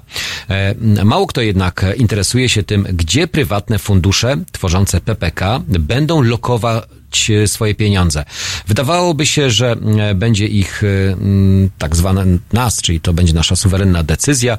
Po prostu jak uznają jakąś inwestycję za zyskowną, tam wdrożą daną gotówkę. Warto spojrzeć na rozkład tych pieniędzy, składka na spółki Skarbu Państwa, jak one będą się rozkładały. Dzisiaj taka analiza jest w Gazecie Wyborczej. 60-80% taką część oszczędności młodych Polaków PPK może być inwestowana w akcje. E, Z, między innymi e, 40% z części akcyjnej muszą stanowić udziały w spółkach e, z WIG 20, a przypomnijmy, że 12 z 20 spółek e, stanowią przedsiębiorstwa kontrolowane przez państwo, E, czyli e, pieniądze, które z jednej strony idą e, z naszych, e, nazwijmy to, portfeli albo z, naszego, z naszych części wynagrodzenia, pójdą na różnego rodzaju kaprysy albo wymysły, albo pomysły władzy. Obojętnie jakiej, ale przynajmniej tej, która obecnie rządzi. Mm, e, e, Nic, e, składka z PPK mm, pójdzie w akcję WIG e, 20, nic z tego rząd mm, Nic z tego rząd e, zadbał e, właśnie o to, aby gro pieniędzy zostało zainwestowane w państwowe spółki. Zgodnie z ustawą przyjętą przez PiS, polityka inwestycyjna PPK zakłada, że w przypadku e, młodych Polaków akcje mogą stanowić 60-80%, ale i to najbardziej kontrowersyjny pomysł z tej tak zwanej części akcyjnej minimum 40% muszą właśnie stanowić udziały w spółkach z WIG 12, e, w których to 12 spółek jest spółkami m, Skarbu e, Państwa. E, O tym e, więcej w dzisiejszej e, gazecie e, wyborczej. E, Również e, Pieniądze, które idą z budżetu, e, gdzie wędrują, e, okazuje się, że największą rekompensatę przynajmniej otrzyma teraz e, TVP. Szykuje się zastrzyk gotówki dla TVP, Polskiego Radia. W Sejmie rozpoczęła się praca nad e, zrekompensowaniem mediom publicznym strat wynikających z utraconych wpływów abonamentowych. Polska Telewizja i Radio mogą zyskać nawet do prawie dwóch miliardów złotych. Dokładnie miliard 950 milionów. Projekt wnieśli posłowie Prawa i Sprawiedliwości. Potrzebna potrzeba wydania ustawy wynika mm, z braku e, mm, adekwatnego, stabilnego, mm, no, czyli przelewania stabilnych pieniędzy albo wpływów pieniędzy i długofalowego działania publicznych e, mediów, e, naruszania finansów publicznych w Polsce. E, Czytamy w uzasadnieniu. E, Uzasadnienie dla mnie może jest na tyle absurdalne, albo w ogóle e, finansowanie mediów publicznych jest na tyle absurdalne, że powinno być w końcu jakoś e, ujednolicone albo dobrowolne. E, Kwestia tego, czy w ogóle media publiczne powinny być finansowane z budżetu, to jest kwestia rzeczywiście dyskusyjna, bo są zdania podzielone. Jedni twierdzą, że takie media powinny mieć e, miejsce i w wielu krajach e, to działa i funkcjonuje i się sprawdza, ale e, jak widać u nas nie do końca. Nie do końca, e, bo w świetle ostatnich wydarzeń można jednostronnie pokazywać to, co dzieje się w naszym e, kraju, a wiemy, że e, zasięg e, mediów publicznych jest o wiele większy m, i m, łatwiejszy do, dostęp do tych mediów m, e, w całej Polsce. Najbogatszym wiceministrem okazuje się, mamy takiego najbogatszego wiceministra, jest Andrzej Gut Mostowy. Został mianowany nowym wiceministrem rozwoju i będzie się zajmował wspieraniem polskich przedsiębiorców i ich produktów, poinformował resort na swoim koncie w mediach społecznościowych. E, Polityk jest najbogatszym polskim parlamentarzystą, zadeklarował e, w złożonym oświadczeniu majątek o wartości około 40 milionów złotych, z czego wartość samych nieruchomości wyniosła około 36 milo- milionów. E, Świeżo upieczony wiceminister tylko w roku 2018 zarobił 2,7 miliona złotych. No to rzeczywiście, patrząc na to, ile kto zarabia, to gratulować tylko i wyłącznie e, sukcesów i e, gratulować e, tak zarobionych pieniędzy. Mam nadzieję, że uczciwie, że nikt się nie będzie przyczepiał. Prezes dostał samolot. Mowa oczywiście o prezesie Prawa i Sprawiedliwości. Czytamy również w dzisiejszym Super Expressie. Nietypowy prezent dla Jarosława Kaczyńskiego. Jarosław Kaczyński wciąż e, przechodzi rehabilitację. Po mm, grudniowej operacji mm, prezes e, PiSu mm, odwiedził, e, czy prezesa odwiedził szef PLL LOT Rafał e, Milczarski. Mm, Przyniósł firmowe prezenty. Jak widać, e, przynajmniej w gazecie, e, jednym z tych prezentów jest e, taka taki samolot do składania. No, myślę, że w wolnych chwilach wieczorem e, prezes Jarosław Kaczyński, nie mając nic ciekawego do robienia albo zastanawiając się nad tym, co by tu jeszcze, panie, w tym naszym kraju, e, to e, będzie lepił samoloty. Można? Można. Mm, My e, jeszcze w ostatnim bloku wrócimy e, do Was z podsumowaniem mm, i oczywiście z tym, jak dzisiejszy poranek nam się ułożył. Ułożył się w miarę, jak się ułożył. Dzisiejszy dzień jest nieco pochmurny, deszczowy, ale mam nadzieję, że odrobinę radości i odrobinę pogody ducha też wprowadzamy Wam właśnie od samego e, rana. Chwila muzyki i wracamy za moment.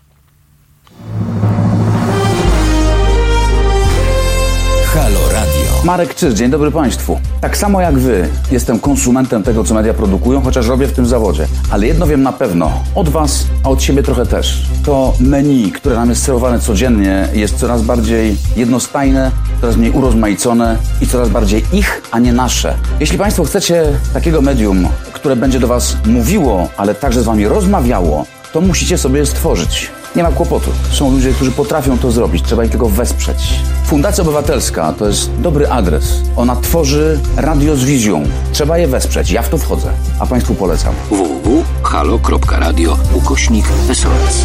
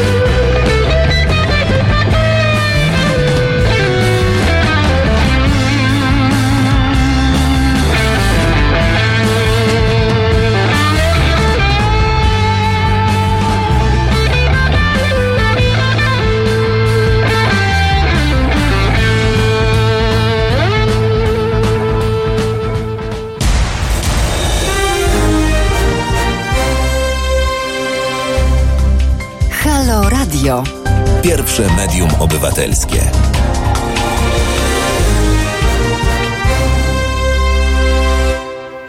No już na samo zakończenie rozmawialiśmy o mm, e, najbogatszym e, przedstawicielu e, obecnej władzy albo piastującym e, funkcję w Radzie Ministrów, a teraz również informacja o chyba najbiedniejszej, może nie posłance, ale przedstawicielce właśnie z tego ugrupowania, może nie najbie- najbiedniejszej, ale takiej chyba, która boryka się z największą ilością problemów finansowych. Dorota Arciszewska m, m, Mielewczyk, m, do niedawna posłanka Prawa i Sprawiedliwości, pokieruje polskimi liniami oceanicznymi, donosi Dziennik Bałtycki. Arciszewska m, Mielewczyk e, nie dostała się do Senatu w ostatnich wyborach, ale Jarosław Kaczyński nie zostawia swoich e, na lodzie. Jak widać, nie, nie na locie, tylko na lodzie. M, e, W październiku m, Dorota, pani Dorota, może w ten sposób, przegrała wyborczy pojedynek o senatorski mandat z Kazimierzem Klejną z, Ko- z Koalicji Obywatelskiej. Tym samym zakończyła 22-letnią mm, okres pracy w parlamencie. Reprezentowała m, kolejno e, akcję wyborczą Solidarność, Stronnictwo Konserwatywno-Ludowe, Platformę Obywatelską i Prawo i Sprawiedliwość. Mm, Jak donosi dziennik, e, polskie linie oceaniczne, którymi wcześniej e, kierowała Krzysztof, Krzysztof e, Adamczyk, e, zakończyły postępowanie konkursowe, no i dawna posłanka PiS pokieruje państwową e, spółką. E, Okazuje się, że przez lata Dorota, pani Dorota unikała politycznej i finansowej odpowiedzialności za kontrowersyjne interesy swojej i zmarłego tragicznie męża pana Krzysztofa. Spółka Polskie Pierze i Puch. 18 milionów 554 tysiące 53 zł i 15 groszy długi Doroty Arciszewskiej Mielewczyk. To właśnie wynika z oświadczenia majątkowego, które przeanalizował Many.pl. Polityk PiS ma problemy ze spłacaniem kredytów, pożyczek, opłacaniem podatków oraz składek na ZUS. Co gorsza, jej zadłużenie cały czas e, rośnie. Mm, Po tragicznej mm, śmierci pana mm, Krzysztofa mm, we wrześniu 2013 roku posłanka przejęła jego interesy, rozległe interesy, między innymi e, posiadłość e, w Borczu i hotel mm, w Toruniu. Okazało się mm, też, że część interesów e, kaszubskiego biznesmena została przeniesiona do raju podatkowego na Cypr. Posłanka mm, przejęła po mężu udziały w dwóch cypryjskich spółkach. Mm, mm, W całości należy do niej, również pierwsza w całości należy do niej i kontroluje udziały w polskich firmach, do których należy między innymi majątek w Borczu i hotel w Toruniu. E, mm, Okazuje się, że mm, e, aby uniknąć e, zajęcia, bo kwestia była mm, podatkowa, zajęcia majątek ziemski na Kaszubach posłanka PiS Dorota Arciszewska powędrowała do spółki na Cyprze i dlatego skok Stewczyka nie został, nie zdołał ściągnąć przeterminowanego kredytu wartości 5 milionów. O tym możecie poczytać na stronie portalu Gazeta Plus, jak i również analizę many.pl. Jak widać, m, e, jedni mają duże m, m, pieniądze zarobione, odłożone, inni duże problemy e, finansowe, ale każdy jakoś sobie przecież musi radzić. My również sobie jakoś musimy poradzić. Od siódmej do godziny dziesiątej poranny przegląd już mamy za nami, jak i również informacje, doniesienia z nadsekwany, no i e, rozwiązywanie problemów dotyczących uzależnień, nałogów, e, tak e, lekko poruszone. Może kiedyś e, zajmiemy się tym e, szerzej i, i bardziej mm, obszernie z naszymi specjalistami. Dziękuję Wam bardzo za dzisiejszy poranek, również e, Piotrowi, Piotr Kurczewski, który dzisiaj był realizatorem. Piotr, pokażesz się? No właśnie. Pozdrawiamy, życzymy Wam miłego dnia. Halo Radio, Jacek Zimnik. Do zobaczenia.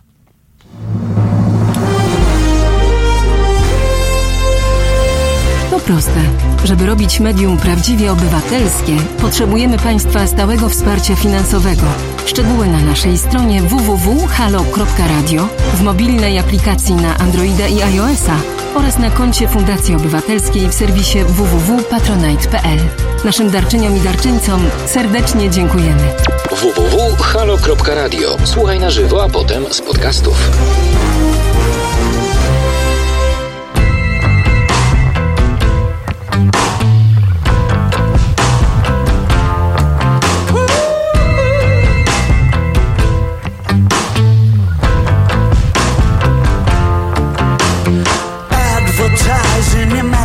Imaginative ways. Start your free trial today. Come on in the waters, lovely look. You could meet someone you like. You're in the meat of your strike. It is that easy. Lunar surface. on a Saturday night, dressed up in silver and white with colored old gray whistle test lights.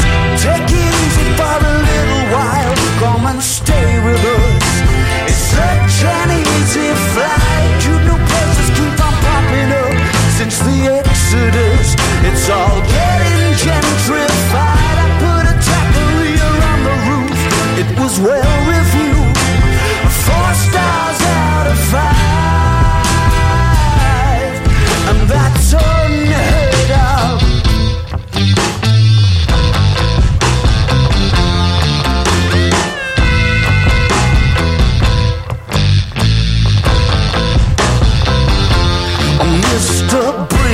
Tunnel, I'm a Starlight Express, the head of special effects in my mind's eye. Okay, cookie with the opposite sex, the things you try to forget. Doesn't time fly? I'm in no position to give advice. I don't wanna be nice, and you know that. Take it easy for a little while, come and stay with us. It's such an easy flight. It's all getting gentrified. The information action ratio is the place to go, and you will not recognize the old headquarters. All the nights that never happened, and the days that don't exist. At the information action ratio.